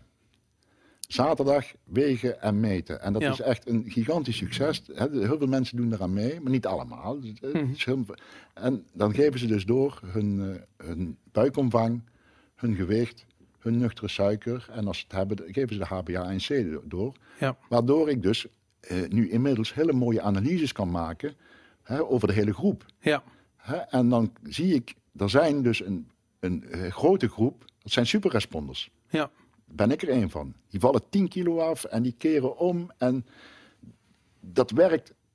Maar bij sommigen werkt het niet. Maar Ik geloof dat niet. Het klinkt heel zo, maar ik ben zo sceptisch. Ja? En ik, ik bedoel, ik heb ook zo'n tante Beppie op de hoek. En Jij- die, Jij bent helemaal in love met keto, hè? Ja, maar en ik ben, ik ben nog net niet helemaal uit die fase dat ik het, eh, dat ik er, eh, hoe noem je dat, dat ik er zo vol van ben. Dat ik je, oh, weet je, het zijn van die leerfase. Ja, maar- dan wil je anderen Ja, maar overtuigen ik, van ik, je ik- gelijk. dat, dat Dus is ik dus zit daar nog een beetje in. Dat, dat is waar, dus, maar- en, maar dat is dus wat ik nu wil weten en wat ik dus ook eh, bij het NILG neergelegd heb. Mhm. Waarom werkt het bij mij perfect en bij die persoon niet? Nou, Is- ik doet, weet je, het, doet om- je het verkeerd? Nee, je bent een heel gedisciplineerd mens. En je doet het Ja, gewoon. maar dan, dan, dan is dat de reden. Hè? Maar ik, ik, ik wil, ik zou, want het zou natuurlijk ideaal zijn als we dadelijk dat personalized kunnen maken. Van, oh, we gaan even kijken. Nou, bij u past het ketogeen dieet. Mhm. En bij u moeten we een mediterraan dieet doen.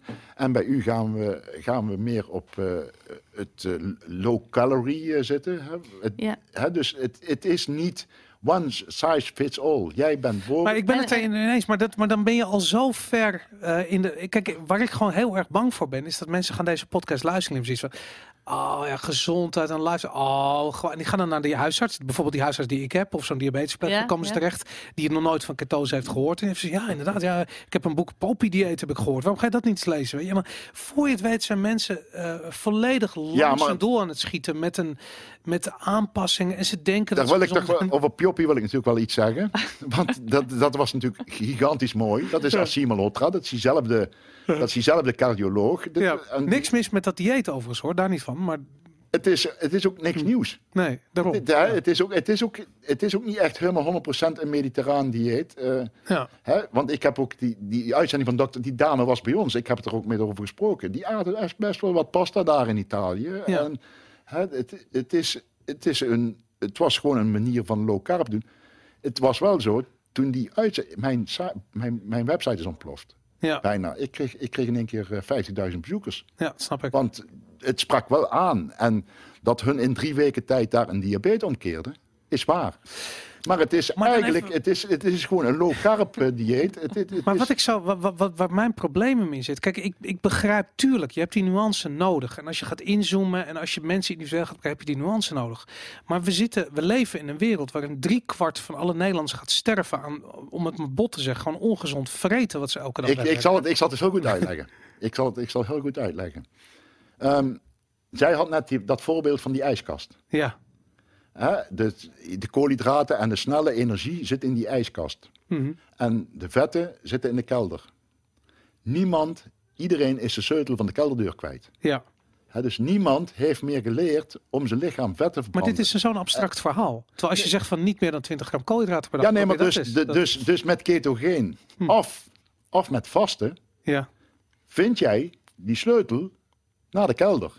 Maar jij mijn moet, tante jij, Beppie, op de hoek, ik je vertellen, als ik over de sleutel van de kelder begin, ze, ze, ze, sta, ze, ze haalt gewoon een half wit gesneden ja, en maar, smeert maar, het vol met... maar, maar eh, weet, je, weet je hoe moeilijk het is om een ketogeen dieet te doen? Ja, ik weet het. Heel erg. Ja, ja, maar daarom heb ik zoiets van, het wordt alleen maar moeilijker op het moment dat de boodschap ingewikkelder wordt.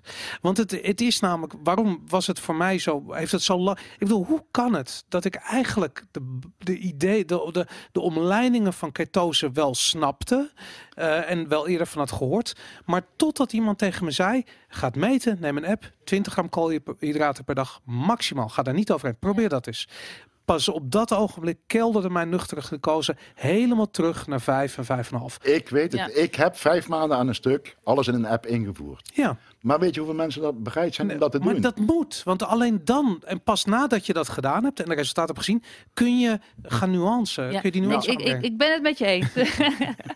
nee, ik denk wat, wat, wat, wat, wat jij hebt gedaan, wat heel mooi is, is als je diabetes type 2 hebt, kun je kleine stapjes gaan doen. Maar Hm. als je het gewoon inderdaad, wat jij zegt van hé, hey, ik ben het radicaal gaan doen, ik ben mijn eh, ko- koolhydraten echt tot die 20 gram gaan beperken, dan zie je het resultaat. Ik moet heel even zeggen tegen iedereen die luistert van als je dit wil gaan doen, dan is het een hele powerful tool, sterker dan insuline, waardoor je suikers inderdaad in elkaar kelderen. Dus ga dit niet alleen doen. Eh, ik weet niet of jij het alleen hebt gedaan, maar wees je ervan bewust dat als je insuline spuit, Op Facebook. dat, dat, je, dat je je medicijnen moet verminderen. ja, maar Eh, ja. Dus dat is, dat is even. Dus Dat is een ding. Insuline dus ik spuiten, ben het, ik ben het, ik ben het, ben het helemaal met je eens van hey, dat is een ongelooflijk, eh, ongelooflijk machtig middel om te doen. En eh, bij, bij heel veel mensen met, met diabetes type 2 en zelfs 1 trouwens, Mhm. kan, het, kan, het, kan het heel veel winst brengen. Waar ik als huisarts in ieder geval mee zit, is ook van hey, we, moet ook, we moeten ook kijken van hey, als je dat doet, is het voor jou geschikt om langdurig te doen? Mhm. Of is het sowieso niet voor jou geschikt omdat je het niet kan of niet begrijpt? En wat zijn dan andere mogelijkheden? Dus dat is wat ik bedoel van hey, hoe gaan we dat, hoe gaan we dat doen? En eh, gaan we dat, is het nodig om het langdurig te doen? En soms zie je ook van hey, als je heel radicaal begint, kan je het wat minder radicaal gaan doen op een tijdje, omdat je lichaam wel die sleutel heeft gevonden, zeg maar, en dat je dat wel kan. En dan kun je modus vinden om daarmee om te gaan. Eh, maar eh, het blijft wel zo dat bij sommige mensen werkt dat radicaal niet. En die hebben nodig om het in kleine stappen te doen. En die gaan dan gezonde eten, die gaan stoppen met hun tussendoortjes. die gaan naar vers en onbewerkt in plaats van de hamburger. Maar dus- houden zichzelf nog voor de gek. Als je ze ruimte laat om zichzelf voor de gek te houden. En ik ben, ik ben heel goed in mezelf voor de gek houden. Ik weet hoe het werkt. Ja, Als je geef mij een centimeter om mezelf voor de gek te Ja. houden. En ik, ik, ik pak 20 maar- centimeter. dus ja, jij zegt gewoon hardcore, iedereen Tuurlijk. erin. Want en, dat- eh, dan werkt het No toch- mercy. Ja, maar het is toch met medicijnen Ja. exact hetzelfde. Als je Ja. zegt van nou, misschien kijk hier is, hier is een medicijn. en Misschien moet je er eentje nemen, misschien niet. Misschien moet je een halfje. Moet je misschien begin Klopt, gewoon eens ja, met hem de- door een stukje te nemen. één keer in de week. Kijken of het werkt. Maar, Dat- maar dat- mag ik twee voorbeelden geven? Mhm. Ehm, wat, voor, wat bij mij in de groep heel goed werkt, is bijvoorbeeld, ehm, ik heb dan een bepaalde met, opleiding gevolgd, dat is Benting. Ja. Dat, is, dat, dat is het boek eh, van Tim Noogs, uh, koolhydraatarm, vetrijk. En daar staan hele leuke recepten in. En dan zeg ik tegen de mensen, koop dat boek en ga lekker eten uit dat boek. En dan zijn dan de zogenaamde Bentinglijsten. Met groen, oranje en geel. En die plakken de mensen op de ijskast. En dan zeggen ze, ik blijf binnen, binnen de groene lijst Mhm. dan komen ze in feite op een makkelijke manier, dan noemen ze dan fase 1, fase 2. Mhm. En dan komen ze op, op een iets middelere manier in ketose. Ze, ze worden gedwongen, of gedwongen, om in ieder geval, ze moeten alles zelf weer gaan maken. Ja. En dat is, dan zie je al dat mensen hun diabetes omkeren. Dan hoeven ze niet die ketonen te meten. En dan komen ze al, komen ze al een heel eind. En Maar ik ben het helemaal met eens. Het ik is ben niet dat bijvoorbeeld, nee, maar ik ben ook begonnen met, met, eh, met, met een bedrijf om nu ketogene maaltijdboxen Ja. aan te gaan bieden. Waardoor de mensen krijgen dan en het recept en de, en, de, en de ingrediënten. En zo proberen we toch om mensen te leren met die hulp. Hier heb je het recept erbij, de groenten, biologisch. Hè, om dan toch Maar, maar ik, ik heb zoiets van, ja, dat is, dat is een volgende fase. Kijk, ik heb zoiets van, al, al gaat iemand bij wijze van spreken een week lang alleen maar leven op gekookt of gebakken eieren, whatever, het maakt niet uit. Als ze maar een keertje eerst in ketose zien, zien wat het effect is, zich eh, drie keer zo energiek voelen als daarvoor, door de keto flu heen gaan, waar ze geheid een dag lang koppijn van hebben en zich ziek van zullen voelen. Maar dan ben je daar geweest. En op het moment dat je daar geweest bent, weet je waar je het over hebt. En dan weet je ook dat je zelf voor de gek houdt als je denkt van ja, ik kan bijvoorbeeld best wel een stroopwafel eten of een koekje of weet ik veel wat voor. Mensen zijn dat constant aan het doen. Van die redenen aan het verzinnen waarom het wel oké is. Oh, dan ga ik morgen wel weer een keto.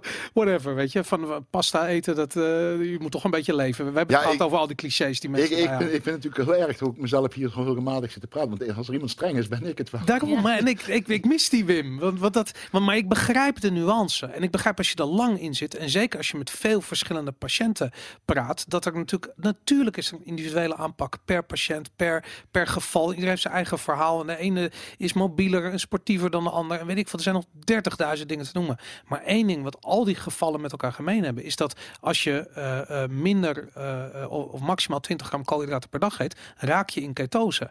Ongeacht hoe je dat voor, voor de rest voor elkaar krijgt. Waar ik een heel, eh, een heel mooi voorbeeld geef. hè. Dat is ook op een artikel wat zij geschreven heeft. ehm, over eh, metabole chirurgie. Mhm. Kijk, in Nederland kan je, kan je tegenwoordig, eh, als je lekker dik bent of eh, hè, als je te zwaar bent, je hebt een, moet minimaal 35 BMI hebben of zo, kom je in aanmerking voor een operatie. Voor een, eh, voor een eh, maagverkleining bijvoorbeeld. ja, ja. gastric bypass, hè, er zijn verschillende soorten van, dat zal zij dadelijk zo uitleggen. Kost minimaal 12.000 euro en dan moet ze nog heel veel psychologische begeleiding en dan moet ze van tevoren nog een shaken dieet, dan moet ze in één keer wel 10 keer afvallen voordat ze de operatie mogen doen. Mhm. Eh, 15.000, 20.000 euro ben je, moet je dat, betalen we daar met z'n allen voor. En Dat ik voor- heb, hè, ja. voor zo'n metabo- hè, voor zo'n gastric bypass. En ik heb dus al mensen in mijn groep zitten die dan... Want je geneest dan heel snel van diabetes. Binnen een week ben je, bij- voordat je ja. afgevallen bent, ben Ja. je van, van je diabetes af. Maar ik zeg dan, geef mij een tiende van dat bedrag en ik neem ze drie weken mee naar Siberië. Ja, En ik, la, en geef ik ze niet eten. Ja, nee, en dan zeg ik gewoon, ja, hier is jouw eten en 25 kilometer verderop ligt jouw volgende maaltijd. Ja, ja, ja. En onderweg zitten beren, dus zullen we af en toe een keer moeten sprinten. Ja. Dan zijn ze voor een fractie van de prijs, zijn ze ook klaar. En voelen ze zich honderd keer beter. Ja. En dan voelen ze zich honderd keer beter en ik hoef ze de buik niet open te snijden en, ik- en het bespaart nog heel veel geld. Maar ja, Maar, moet dan je zijn nou- we, dat, is, dat, maar, maar dat is dus, mensen houden zichzelf zo erg voor de Mhm, gek dat ja. ze liever naar het ziekenhuis gaan om hun maag te laten verkleinen, wat een Mhm. ontzettend heftige ingreep is, Ja. eh, dan dat ze gewoon ophouden met eten. ja, vertel jij nou eens En jouw stukje over eh, dat jij geschreven hebt over metabolische chirurgie. Ik vind Nou, het idee heel interessant, ja. Ja, had je er wel eens van gehoord? Ik heb het de term nog nooit gehoord, nee. Ja, ja. Dus het, het grappige, dus het, is, eh, het is begonnen om, op een manier om af te vallen. Dus eigenlijk werd, werd het een maagverkleiningsoperatie genoemd. Ja. En dan dachten we van, hé, als we die maag verkleinen, dan kan er gewoon minder in. En dan kun je dus minder eten en dan eh, is het hele probleem opgelost klaar. Ja. En op een gegeven moment eh, ze doen eigenlijk een stukje van de maag als het ware wegnieten. Uh-huh. En eh, op een gegeven moment zijn ze het eh, bypass chirurgie gaan noemen, omdat niet alleen maar een stukje van die maag werd weggeniet, Mhm. maar werd eigenlijk het laatste stukje van de maag werd losgekoppeld van de dunne darm en werd eigenlijk vastgekoppeld aan een stuk verder in de darm. Ja, Dus eigenlijk een heel stuk van de darm werd gebypast. ja. En wat zag je dan is dat ehm, mensen vielen af, maar eigenlijk binnen eh, een paar dagen, twee, drie dagen, bleken mensen ook die diabetes hadden, dat ze gewoon hun medicatie konden stoppen. Ja. Zonder dat ze waren afgevallen. Dus eh, toen, eh, waar we aanvankelijk zeiden van hé, hey, het is een maagverkleiningsoperatie, werd het bypass-operatie genoemd en wordt het nu metabole chirurgie genoemd. Omdat je hele stofwisseling blijkbaar Ja. eh, anders wordt. Mhm. En eh, dus daar breken allerlei geleerden nu hun hoofd over van eh, hoe kan dat dat je dus eigenlijk inderdaad binnen een paar dagen dus al die medicatie kan, kan stoppen. En dat blijkt dus heel erg te maken te hebben met, die, met de darmhormonen. En in onze darm worden allerlei hormonen ge- gemaakt. En op het moment dat wij zeg maar die hele volgorde van die darm Mhm. gaan in, in elkaar gaan sturen, worden de darmhormonen heel anders getriggerd. Waardoor er iets heel anders gebeurt met onze voeding. Onze suikers worden heel anders opgenomen. En, eh, en kunnen we dus inderdaad diabetes genezen. En, en die metabolische chirurgie is een van de sterkste methodes nu om diabetes echt helemaal om te keren. En ehm, wat je ziet als je eh, eigenlijk in, in, in eh, heel laag koolhydraat beperkt of een koolhydraat beperkt eten, dieet gaat volgen of inderdaad een ketogeen dieet, dat is Mhm. nog sterker, dan doe je dus ook blijkbaar iets en kan je dus heel snel je medicatie kan je, eh, kan je aanpassen. En dat heeft dus ook weer met die, hè, dat, er zit ook weer een connectie met die, eh, Ja. met die darmhormonen.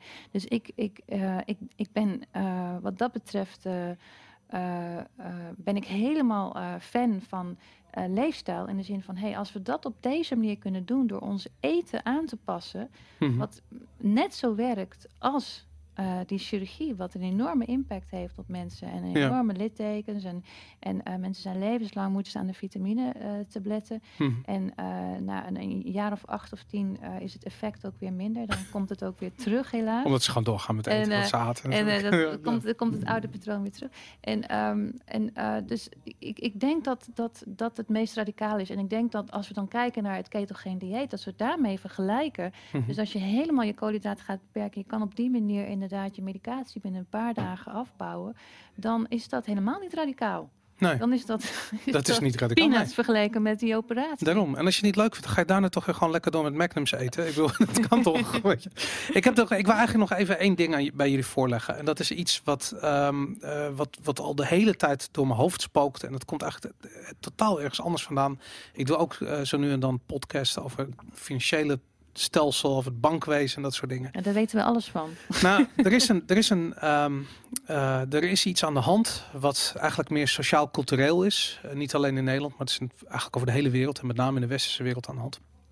En dat is dat ehm, eh, we te maken hebben met een periode van korte termijn voorkeuren. Dus ehm, als je kijkt naar beleggers, die zullen misschien nu investeren in bedrijf, maar die willen binnen een jaar willen ze de waarde van hun investering terug hebben. Eh, terwijl vroeger werd er gekeken van nou, kan het bedrijf is het rendabel?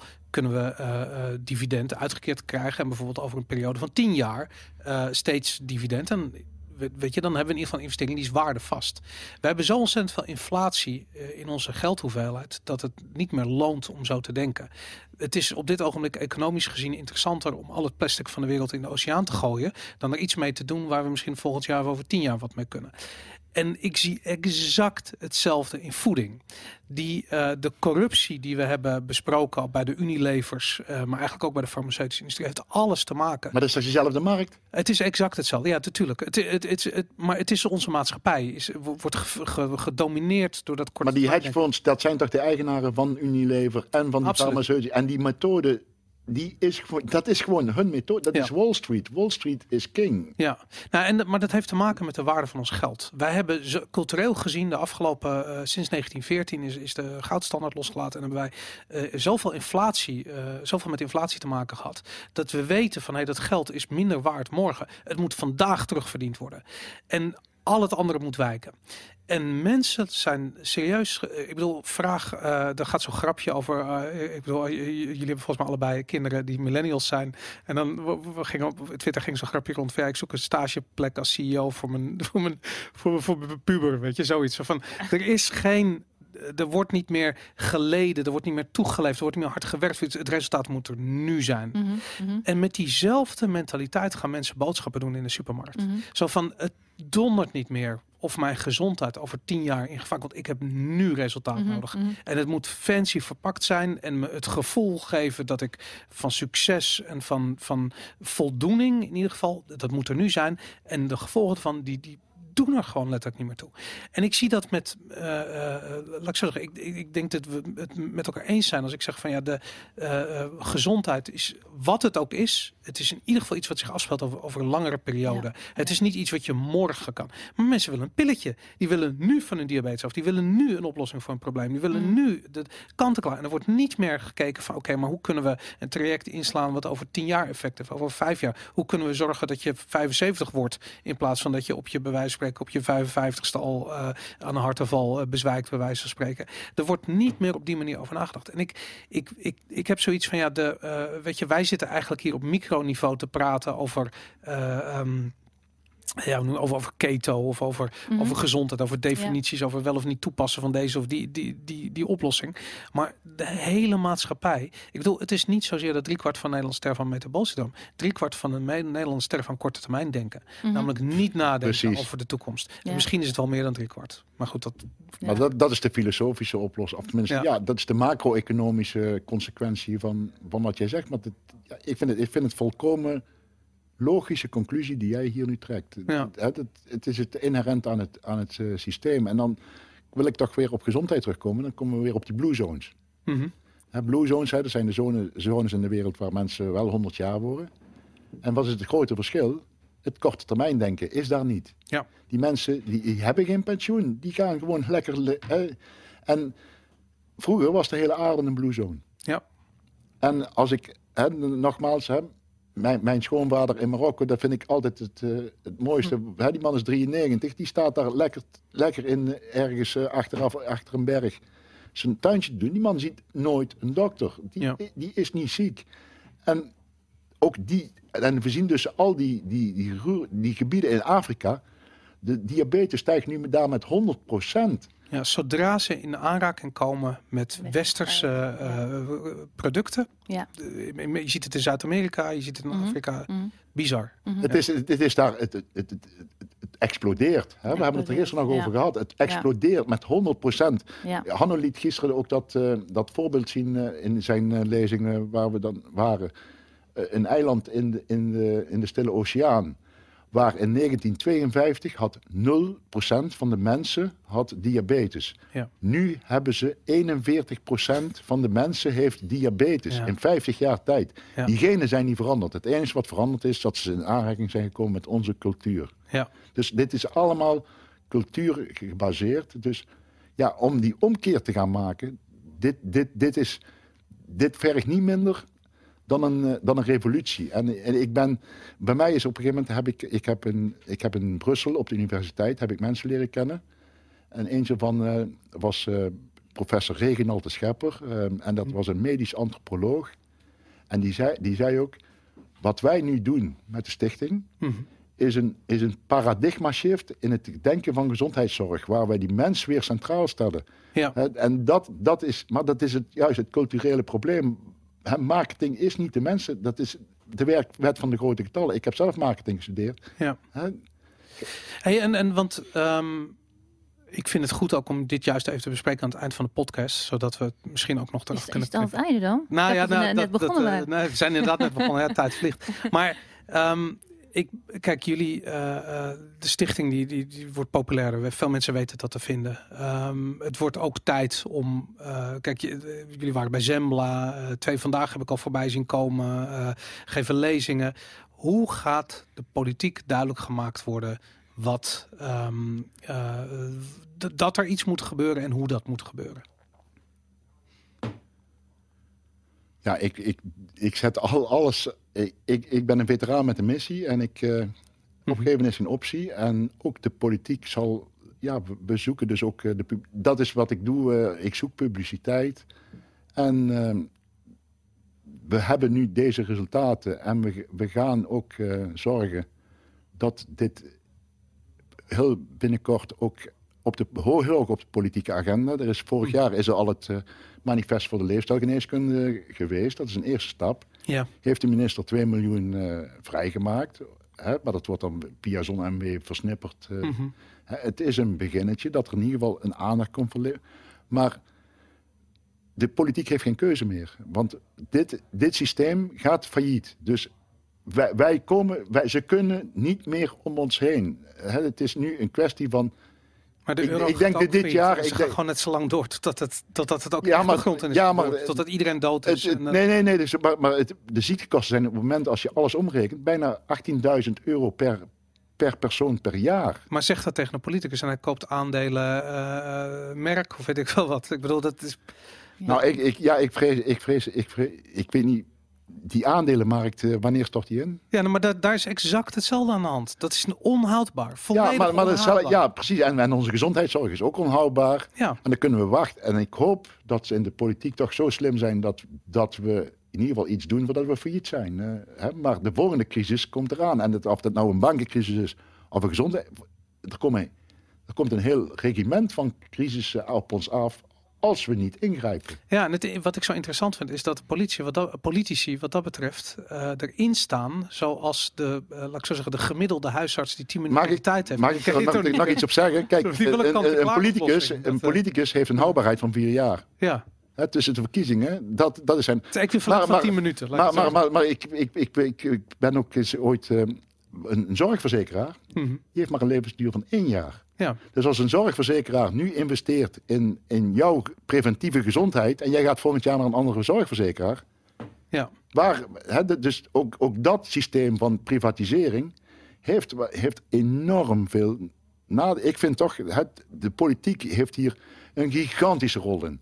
Obesogene samenleving. Hè? Ik bedoel, Coca-Cola, Coca-Cola Light. eh, wat Hanno Pell op een gegeven moment eh, bij de Rode Hoed zei. Mhm. Hè, wat zou u doen als u directeur van Unilever was? Ja. En ja, ik, ik vond dat zo'n schitterend uit. Ja, dat wil ik liever niet zeggen. Ja, ik zeg het toch, zei, zei hij. Ja, ik, waarom heffen jullie jezelf niet op? Ja, terecht. Ja. ja. Hè, maar ja, hè, en, en ehm, hè, je ziet ook stukken in het FD. Hè, waarom die, die farmaceuten worden gewoon gedwongen door hun aandeelhouders om die prijs te verdubbelen. Ze, ze hebben gewoon geen. Want als jij als, als, als, als, eh, als Pfizer niet die daarvoor een miljoen doet en jouw concurrent doet het wel, dan is die CEO op de, de dag erop werkeloos. Nou, en sterker nog, ik denk dat de politici, politici in die zin, eh, ik bedoel, je hoort ze niet over lifestyle aanpassing in beleid, maar wel over afschaffing van de dividendbelasting voor de aandeelhouders van eh, Unilever bijvoorbeeld. Wat dat betreft, eh, kijk, als je dat zegt, hè, van we gaan de, ik, ik ben ontzettend cynisch en ik vind het ook leuk om op die stoel te gaan zitten, maar ehm, jullie zeggen van ja, de, je gaat eigenlijk een beetje ervan uit dat de overheid eh, geïnteresseerd is in de gezondheid van burgers over het algemeen. En ik heb echt zoiets van, er is maar één iemand geïnteresseerd in de gezondheid van een burger. En dat is die burger zelf. Die is de enige die geïnvesteerd is in de gezondheid van zichzelf. Ehm, en ik, ik kijk ook zo naar, naar opvoeding en onderwijs. Er is alleen de ouders zijn werkelijk geïnvesteerd in de, eh, de kennis en de gezondheid van kinderen. Eh, niet een overheid. Die verantwoordelijkheid kan nergens anders liggen. Dus de verantwoordelijkheid voor je eigen gezondheid. eh, om dan naar de overheid te wijzen, denk ik, van, ja, prima, laten we vooral, ik bedoel, daar zitten ze voor, laten we ze de schuld geven van alles. Maar uiteindelijk de oplossing voor dat probleem, dat gaat nooit uit Den Haag komen. Dat kunnen ze gewoon niet. Ik denk dat wel de, de gemeentes is er meer bewust van worden. En eh, ik weet dat de verschillende gemeentes in, in Nederland eh, nu bezig zijn met allerlei gezondheidsprojecten. Mhm. En ik denk dat wij als, als, als huisarts of als arts of als specialisten zijn we eigenlijk aan het dweilen met de kraan open. En mensen zijn al ziek en dan gaan we proberen inderdaad toch nog met leefstijl of, of inderdaad medicatie er iets aan te doen. Maar het is inderdaad daar al veel voor. En op het moment dat een gemeente eh, ehm, allerlei eh, projecten gaat doen en die zijn er dus. en dat ze zeggen van hé, we gaan hier een blue zone in die gemeente maken. We gaan, En dan gaat het heel breed. Dan gaat het naar de fietspaden. Dan gaat het inderdaad naar de businesses die er zijn. Ja. Er zijn er mooie retailers met mooie producten, met gezonde Mhm. producten. Eh, hebben we voorzieningen voor, voor mensen die meer willen lopen, zijn er parken. En dan ga je gezondheid in de hele breedte van eh, eh, eh, aanpakken. En wat wij, of wat ik in mijn praktijkje doe, en mijn collega huisarts, is maar een heel klein deel ervan. En dan ben je eigenlijk al te laat. En op het moment dat er geen fastfoodketens zijn en er, en er wordt, zoals met roken, worden die sigaretten worden nu helemaal weggepakt. En je moet, het wordt bijna onmogelijk gemaakt om nog een sigarettenpakje te kopen straks. Ja. En zo zou het eigenlijk ook met, met snoep en suiker moeten zijn. En heel veel kinderen kunnen nu cola en, en frisdrank in de supermarkt kopen eh, overdag. Eh, dat zou eigenlijk, daar, daar als we Maar laten we, daar... daar zijn we, daar zijn we daar- decennia van Ja, maar, verwijderd. maar als je Ja, dan, denk als je, je? maar, maar, ja, ik denk het wel, ja. ja, maar- dat- maar- dat- Daar ben ik echt bang voor. maar mensen gaan zeggen, dat noemen ze wel betuttelingen. Ja, Mensen, je- je- wie, wie mag, mag jij zomaar zeggen dat ik geen cola mag drinken of een slag Ja, mag eten of een sigaretje mag roken? Dat Wie, dat maakt. Ik, ik heb letterlijk op de school van mijn, mijn kinderen heb ik echt schreeuwende ruzie met, met ouders gehad. Omdat het gewoon op een gegeven moment normaal was om als een kind jarig was om gewoon zakken Jamin Ja. rommel mee te geven. En, ik, en dat is niet één kind, dat zijn, er zijn er Ja, maar- 30 die elke maar twee weken is iemand jarig. En, en dat, daar, daar, daar heb je eigenlijk de vinger op de zere plek. Want Mhm. daar, daar moeten we met z'n allen eigenlijk bewust van zijn. Van, hey, dat, het is eigenlijk, dat is, vind ik eigenlijk absurd. Hè? In Ja. Amsterdam heb je nu scholen volgens mij waar je alleen water mag drinken geen, en geen drankjes weer. Geen alcohol. dingen- Daar ben ik dan wel voorstander van. Maar. En dat, dat, Ja. dat, dat, en dat we inderdaad dat we niet de vierdaagse lopen en dat er eh, kleine marsbarretjes worden Ja, getrakteerd zoals bij, bij ons op school was. En, en, en dat er, als je meedoet met de, met de single loop, dat als je aankomt, dat je een, een Red Bull of nou ja, dat is overdreven, maar een of ander energiedrankje aangeboden krijgt voordat er water is. Ja. Allemaal van dat soort dingen. Als wij, eh, en eh, dat, dat, hè, in het preventieakkoord staat Ja, daar bij- een deel nou, maar- van. Maar jij zei betuttelen, daar is inderdaad heel veel over geschreven. Maar je, eh, je, eh, dat soort basisdingen, dat gaan zoveel, hè, suikertax, ik noem maar maar, op. maar, maar waar in het preventie, in die partij, zit Coca-Cola. Wat doet Coca-Cola in die, in die dingen? En dan heb je over lobby en Maar we hebben gezien wat Rutte heeft gedaan met die dividendbelasting. En dat, dat was Unilever en Shell die dat er doorheen hebben. Ik bedoel, hoe kunnen we... la- laat ik zo, daar- daarom heb ik zoiets van die hele weg. waar heeft hij gewerkt eh, trouwens? Rutte? Ik heb geen volgens mij komt hij... Bij Unilever. Oh, hij heeft hij bij Unilever gewerkt? Ja, nou, dat, dat Ik bedoel, onze half, ons half kabinet komt van Shell. Ja. eh, En nadat ze eh, klaar zijn met die politiek, gaan ze gewoon weer terug. maar van de andere kant heeft die minister natuurlijk nu wel zijn leefstijlmanifest toch goed. er- Ja, maar voor de buitenwereld moet er wel wat gebeuren. Maar, maar ik, wat ik probeer te zeggen is, als die mentaliteit niet verandert. En die mentaliteit gaat niet. Ik bedoel, ik ben fantastisch suikertekst geweldig. Maar ik heb zoiets van waar het echt moet veranderen bij mensen in hun hoofd. Nou, En dat. Ja. ik, ik, ik, ik, ik, ik ben hier zelf zo boos over geweest. Hè. Ik, ben Hmm. hier, zo- ik, ik, ik heb nu al honderden mensen van zijn diabetes afgeholpen. En ik heb het nog allemaal uit eigen zak moeten doen. En ik heb nog, nog geen dubbeltje steun gekregen. Hè. Dus, hè. En dan zie ik, ik ben bij partijen, ik ben overal geweest. Ben je wel bij Unilever geweest? Eh, ik, ben, ik, ben, ik ben bij Nestlé geweest. Ja, nee, volgens mij hebben die budget. Hè? Nee, nee, maar ik, ik, ben, ik ben dan over en dan, dan denk ik, ja, wa- waar, waar, wij, wij, al die potjes die er dan zijn en er zijn dan initiatieven en je wordt gewoon niet gesteund en je moet het allemaal uit je eigen zak doen. Ja, ik blijf maar gillen en ik blijf maar roepen en er, niemand die, hè, Ja. maar ik ben nog niet klaar. Nee, maar, daar, maar daarom heb ik zoiets Kijk, wat het, wat het mooie is eh, aan in ieder geval die Facebookgroep. En daar zie ik het nu een jaar lang. Elke dag zie ik die post voorbij komen. Eén keer per dag log ik in een Facebook, zie ik die post voorbij komen. Dat is waar het om gaat. Het gaat niet om, om beleid, om regeltjes. Het gaat om mensen die leren van... hey, hoe neem ik weer zelf de controle over mijn gezondheid en mijn leven? Hoe doe ik dat? En uh, daar gewoon hele concrete handvaten. Je, je weegt en je meet je op zaterdag. Je probeert in ketose te raken. Probeer het een keer. Probeer intermittent fasting. Uh, probeer het en deel je ervaringen. Mm -mm. En wat Nou, ook- zie je, het blijft hangen. Nee, maar ook, ook dat ik elke morgen om, om zes uur die Ja. post eh, schrijf. Ja. En dat Jackie hier zit als arts, hè, die al artikelen heeft geschreven. We zijn, we zijn bijna dag en nacht aan het werk. Ja.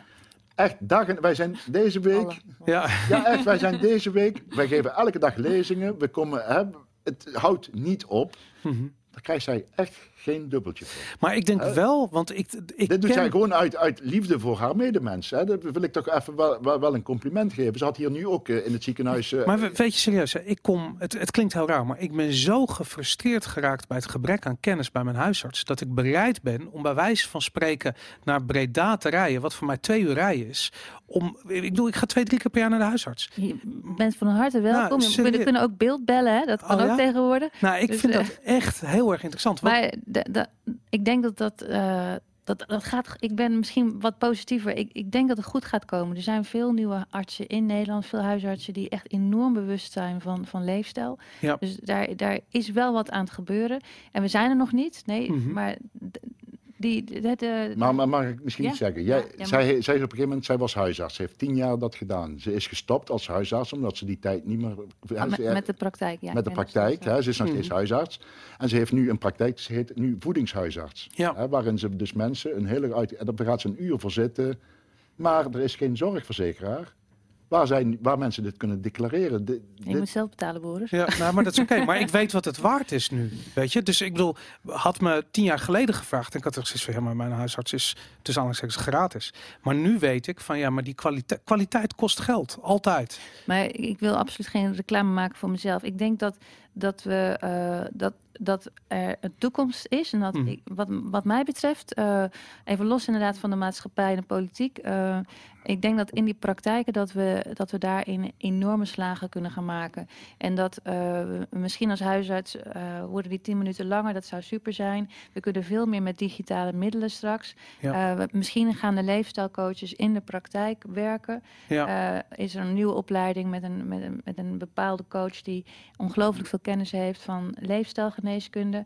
En dat we hele mooie, er zijn allerlei initiatieven in het land wel bezig. Het is wel echt buzzing. Ja, hè? En, ehm, en, en, en iedereen heeft ideeën en het is nog een beetje chaos. De ene keer is het dit, de andere keer is het dat. Mhm. Dus er gebeurt wel iets in Nederland hoor. Ja, Ja. nou ja, dat, ik voel dat ook. En ik heb laatst gesproken met iemand en die eh, studeert medicijn op dit ogenblik. En die zei van, nou, ik merk gewoon dat er, er is een tweedeling. Dat, dat, dat waren haar woorden. Er is een tweedeling bij, binnen zo'n opleiding. Mhm. ehm, van, eh, bij wijze van spreken, studenten die zich gewoon het, het curriculum afwerken en afstuderen.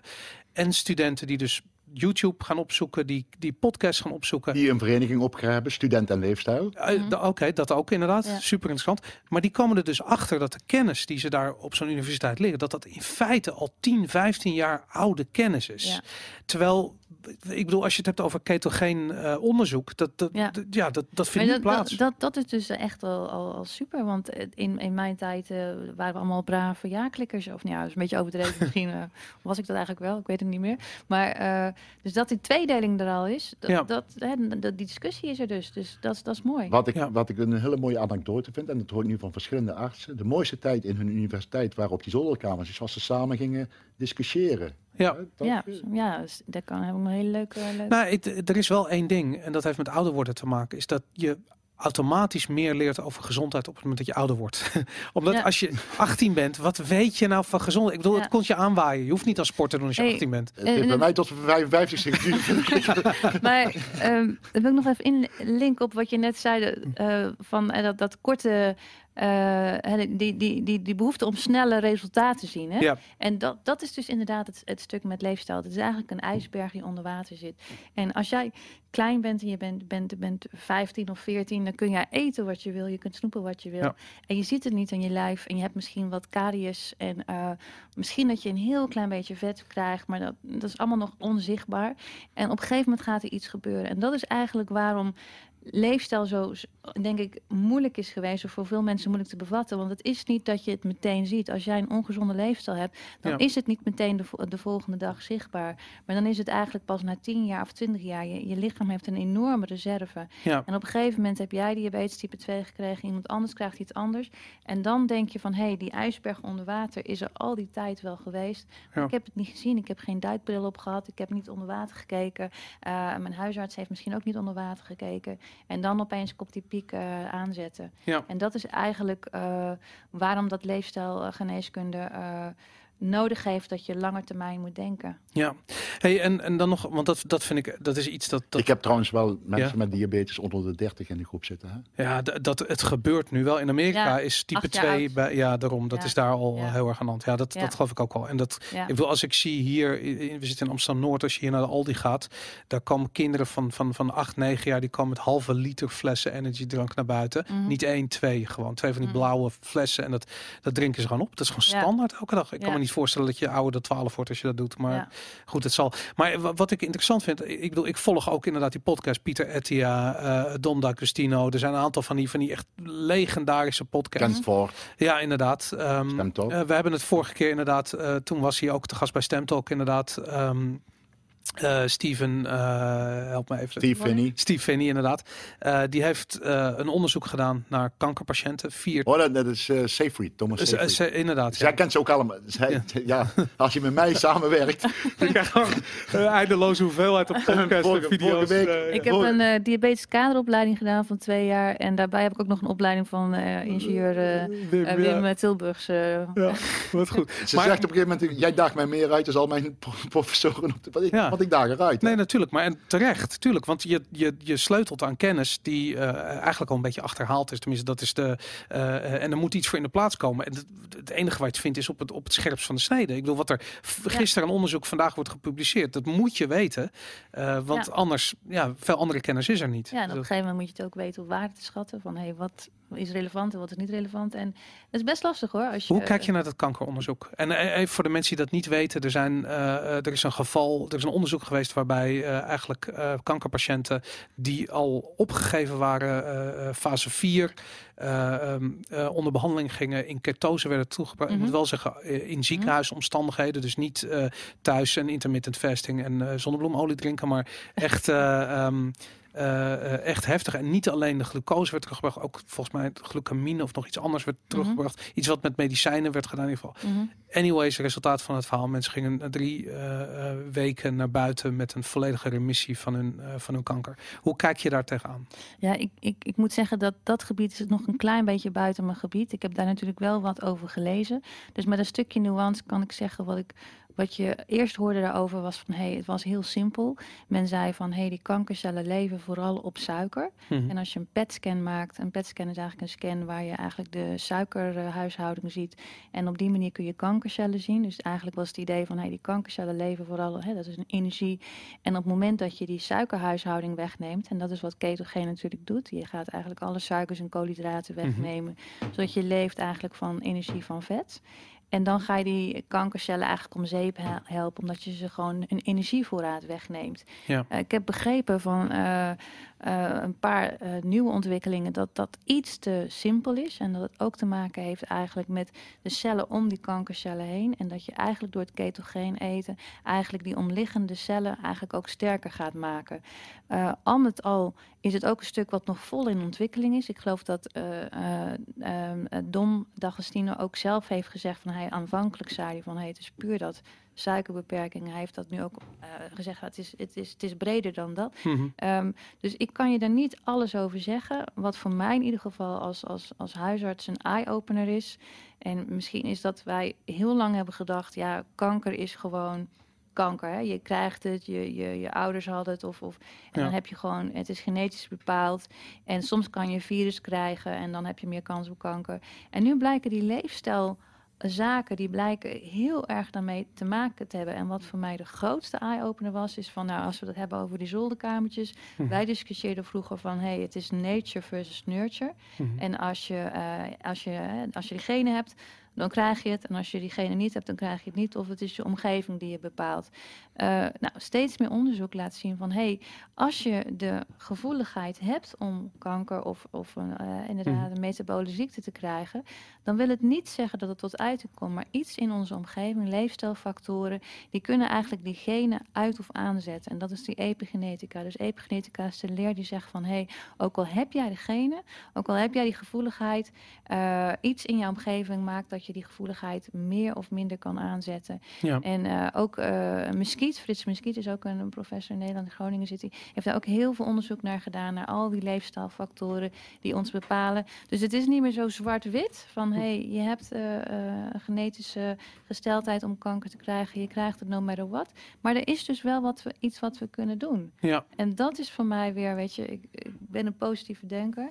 En we kunnen niet alles genezen, hè, laten we dat Ja. we kunnen niet alle kanker, maar het, het zet het even in een heel ander perspectief. Ja. Ik heb wel ehm, pas geleden nog een, eh, een van de top kankeronderzoekers. Dus dan niet meer uit de marge, maar echt een, eh, een van, ja, waar de hele wereld naar luistert. En die heeft een heel dat? grote, ja, ik kan even niet uit, m- uit mijn hoofd, eh, hè, de- de- maar dat gaat, hij heeft dus wel, ik zal even zullen het ook linken in de show notes. Ja, Dus ja, zeker, altijd, ja. hè. Hè, maar die had het ook echt over dat, dat verband met insuline.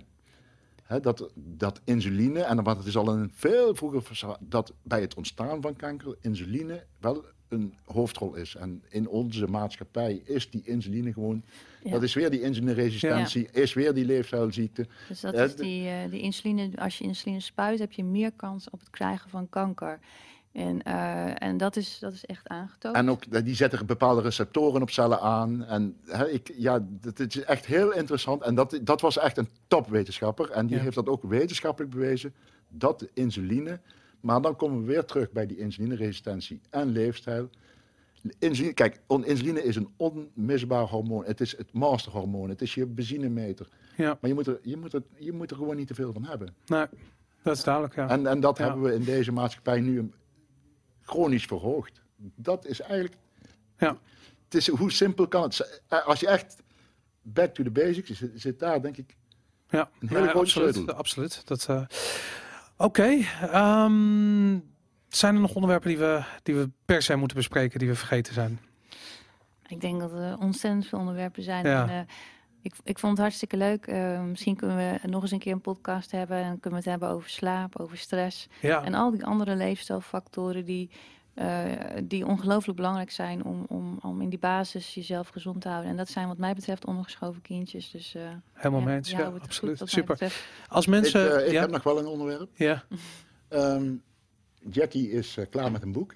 aha, kijk. Leefstijl op recept. Absoluut, daar hebben we het helemaal niet over gehad. Hè? En eh, ja, dus ze heeft er hier ook al heel lang over nagedacht. Wanneer komt jouw boek uit? Eh, najaar, toch? Eh, september, oktober. September, oktober, Ja, inderdaad. ja. Leefstijl, leefstijl op het recept. Ja. Ik denk tegen die tijd moet je hier weer gewoon komen zitten, het boek Is goed. meenemen. Het heeft niet een groene kaf, toch, toevallig? Eh, nee, nee ik, ik weet het niet. Je had een groen shirt aan toen je binnenkwam. Ja, ik heb nou even een heel We leuk shirt aan voor je. hebben, we hebben een greenscreen hier. Laatst hadden we iemand met een groen boek. Dat, dat werkt ook niet. Nee, maar we gaan natuurlijk ook wel tipjes van de sluier ook op. Hè? We hebben Ja. al een, een blogpost slapen op recept, eh, voeding op recept, keto op recept. Zal er Ja. ook gegarandeerd wel in komen. Ja. Want hè, keto komt, ja, dus eh, ja, de dokter gaat eh, van alles op recept krijgen. Behalve, behalve, behalve pilletjes eh, staan er niet zoveel in. Ja, die hadden we altijd al, hè, dus dat is een beetje Ja. onorigineel. Ja, nee, inderdaad. Wat, wat tof zou het zijn als eh, ziektekostenverzekeraars eh, gewoon goed eten zouden vergoeden. Hoe tof zou dat ja, zijn? Dat en je gewoon... volgens mij zijn daar wel eh initiatieven in Amerika. Wow. Hoe tof Ja. zou het zijn als alleen maar goed eten in die supermarkt lag? Dat, Ja, eh, ja, dat ja, zou ja. pas ja, tof zijn. dat is utopie. dat geloof ik niet. maar ik, ik bedoel, Nou, als een Hanno Pijl ligt, dan eh, krijg je in ieder geval niks meer van als het Unilever. aan, aan mij ligt ook, maar dat, eh, maar ik, ik zie het gewoon, ja, ik zie het ze gewoon niet doen. Dat, eh, dat, Nou, dat, Ja, dat ik- mensen moeten ophouden om het te kopen. Ik denk dat, dat daar, daar, daar, daar begint het. Ik wil toch even nog, nog hebben, wat Hanno zei op een gegeven moment, gisteren was het ook weer. Hè? Eh, Hanno is echt de leefstijl. Hanno Pijl, ja, die moeten we Ja, ook een keertje De, uitnodigen. Dat, de, Ja, dat- de rockster van leefstijl. Ja, absoluut. En, en op een gegeven moment eh, vroegen we dus ook, eh, hoe gaan jouw, het was vandaag, het was een van de POH'ers die vroeg dat aan Hanno, hoe gaan jouw collega's daarmee om? En toen zei hij, een Ja. paar jaar geleden, ach ja, die pijl, hij heeft het over leefstijl. Nou ja, hij doet geen kwaad. Laat. Mhm. Maar nu nemen ze hem echt serieus. En Hè, nu, nu zijn ze echt ook bij het LUMC, zijn ze met, met de cardiologen en de, de oncologen. Ze zijn echt, er is, hè, de, de times are changing. Ja, om met Bob. Dylan terug te Ja. komen. Hè. De- misschien Ja, krijgen we toch nog de flower power revolutie. Ja, Toch ja. nog terug. Nou ja, laten, we, laten we het hopen. Ja. Hey, ehm, hoe kunnen mensen eh, jullie vinden? Websites, Twitter misschien, eh, Facebook natuurlijk. eh waar ze- Google leefstijl als medicijn. Leefstijlsmedicijn. Dat Je, is, hè, de eh, website ja, is jeleefstijlalsmedicijn.nl. Maar Ja, staat in de show. notes. en Mm. Top. Ja. Jackie van Kemenade, Wim Tilburgs, dank jullie wel voor deze dankjewel dat we Dankjewel, hier mochten Boris. zijn. Super.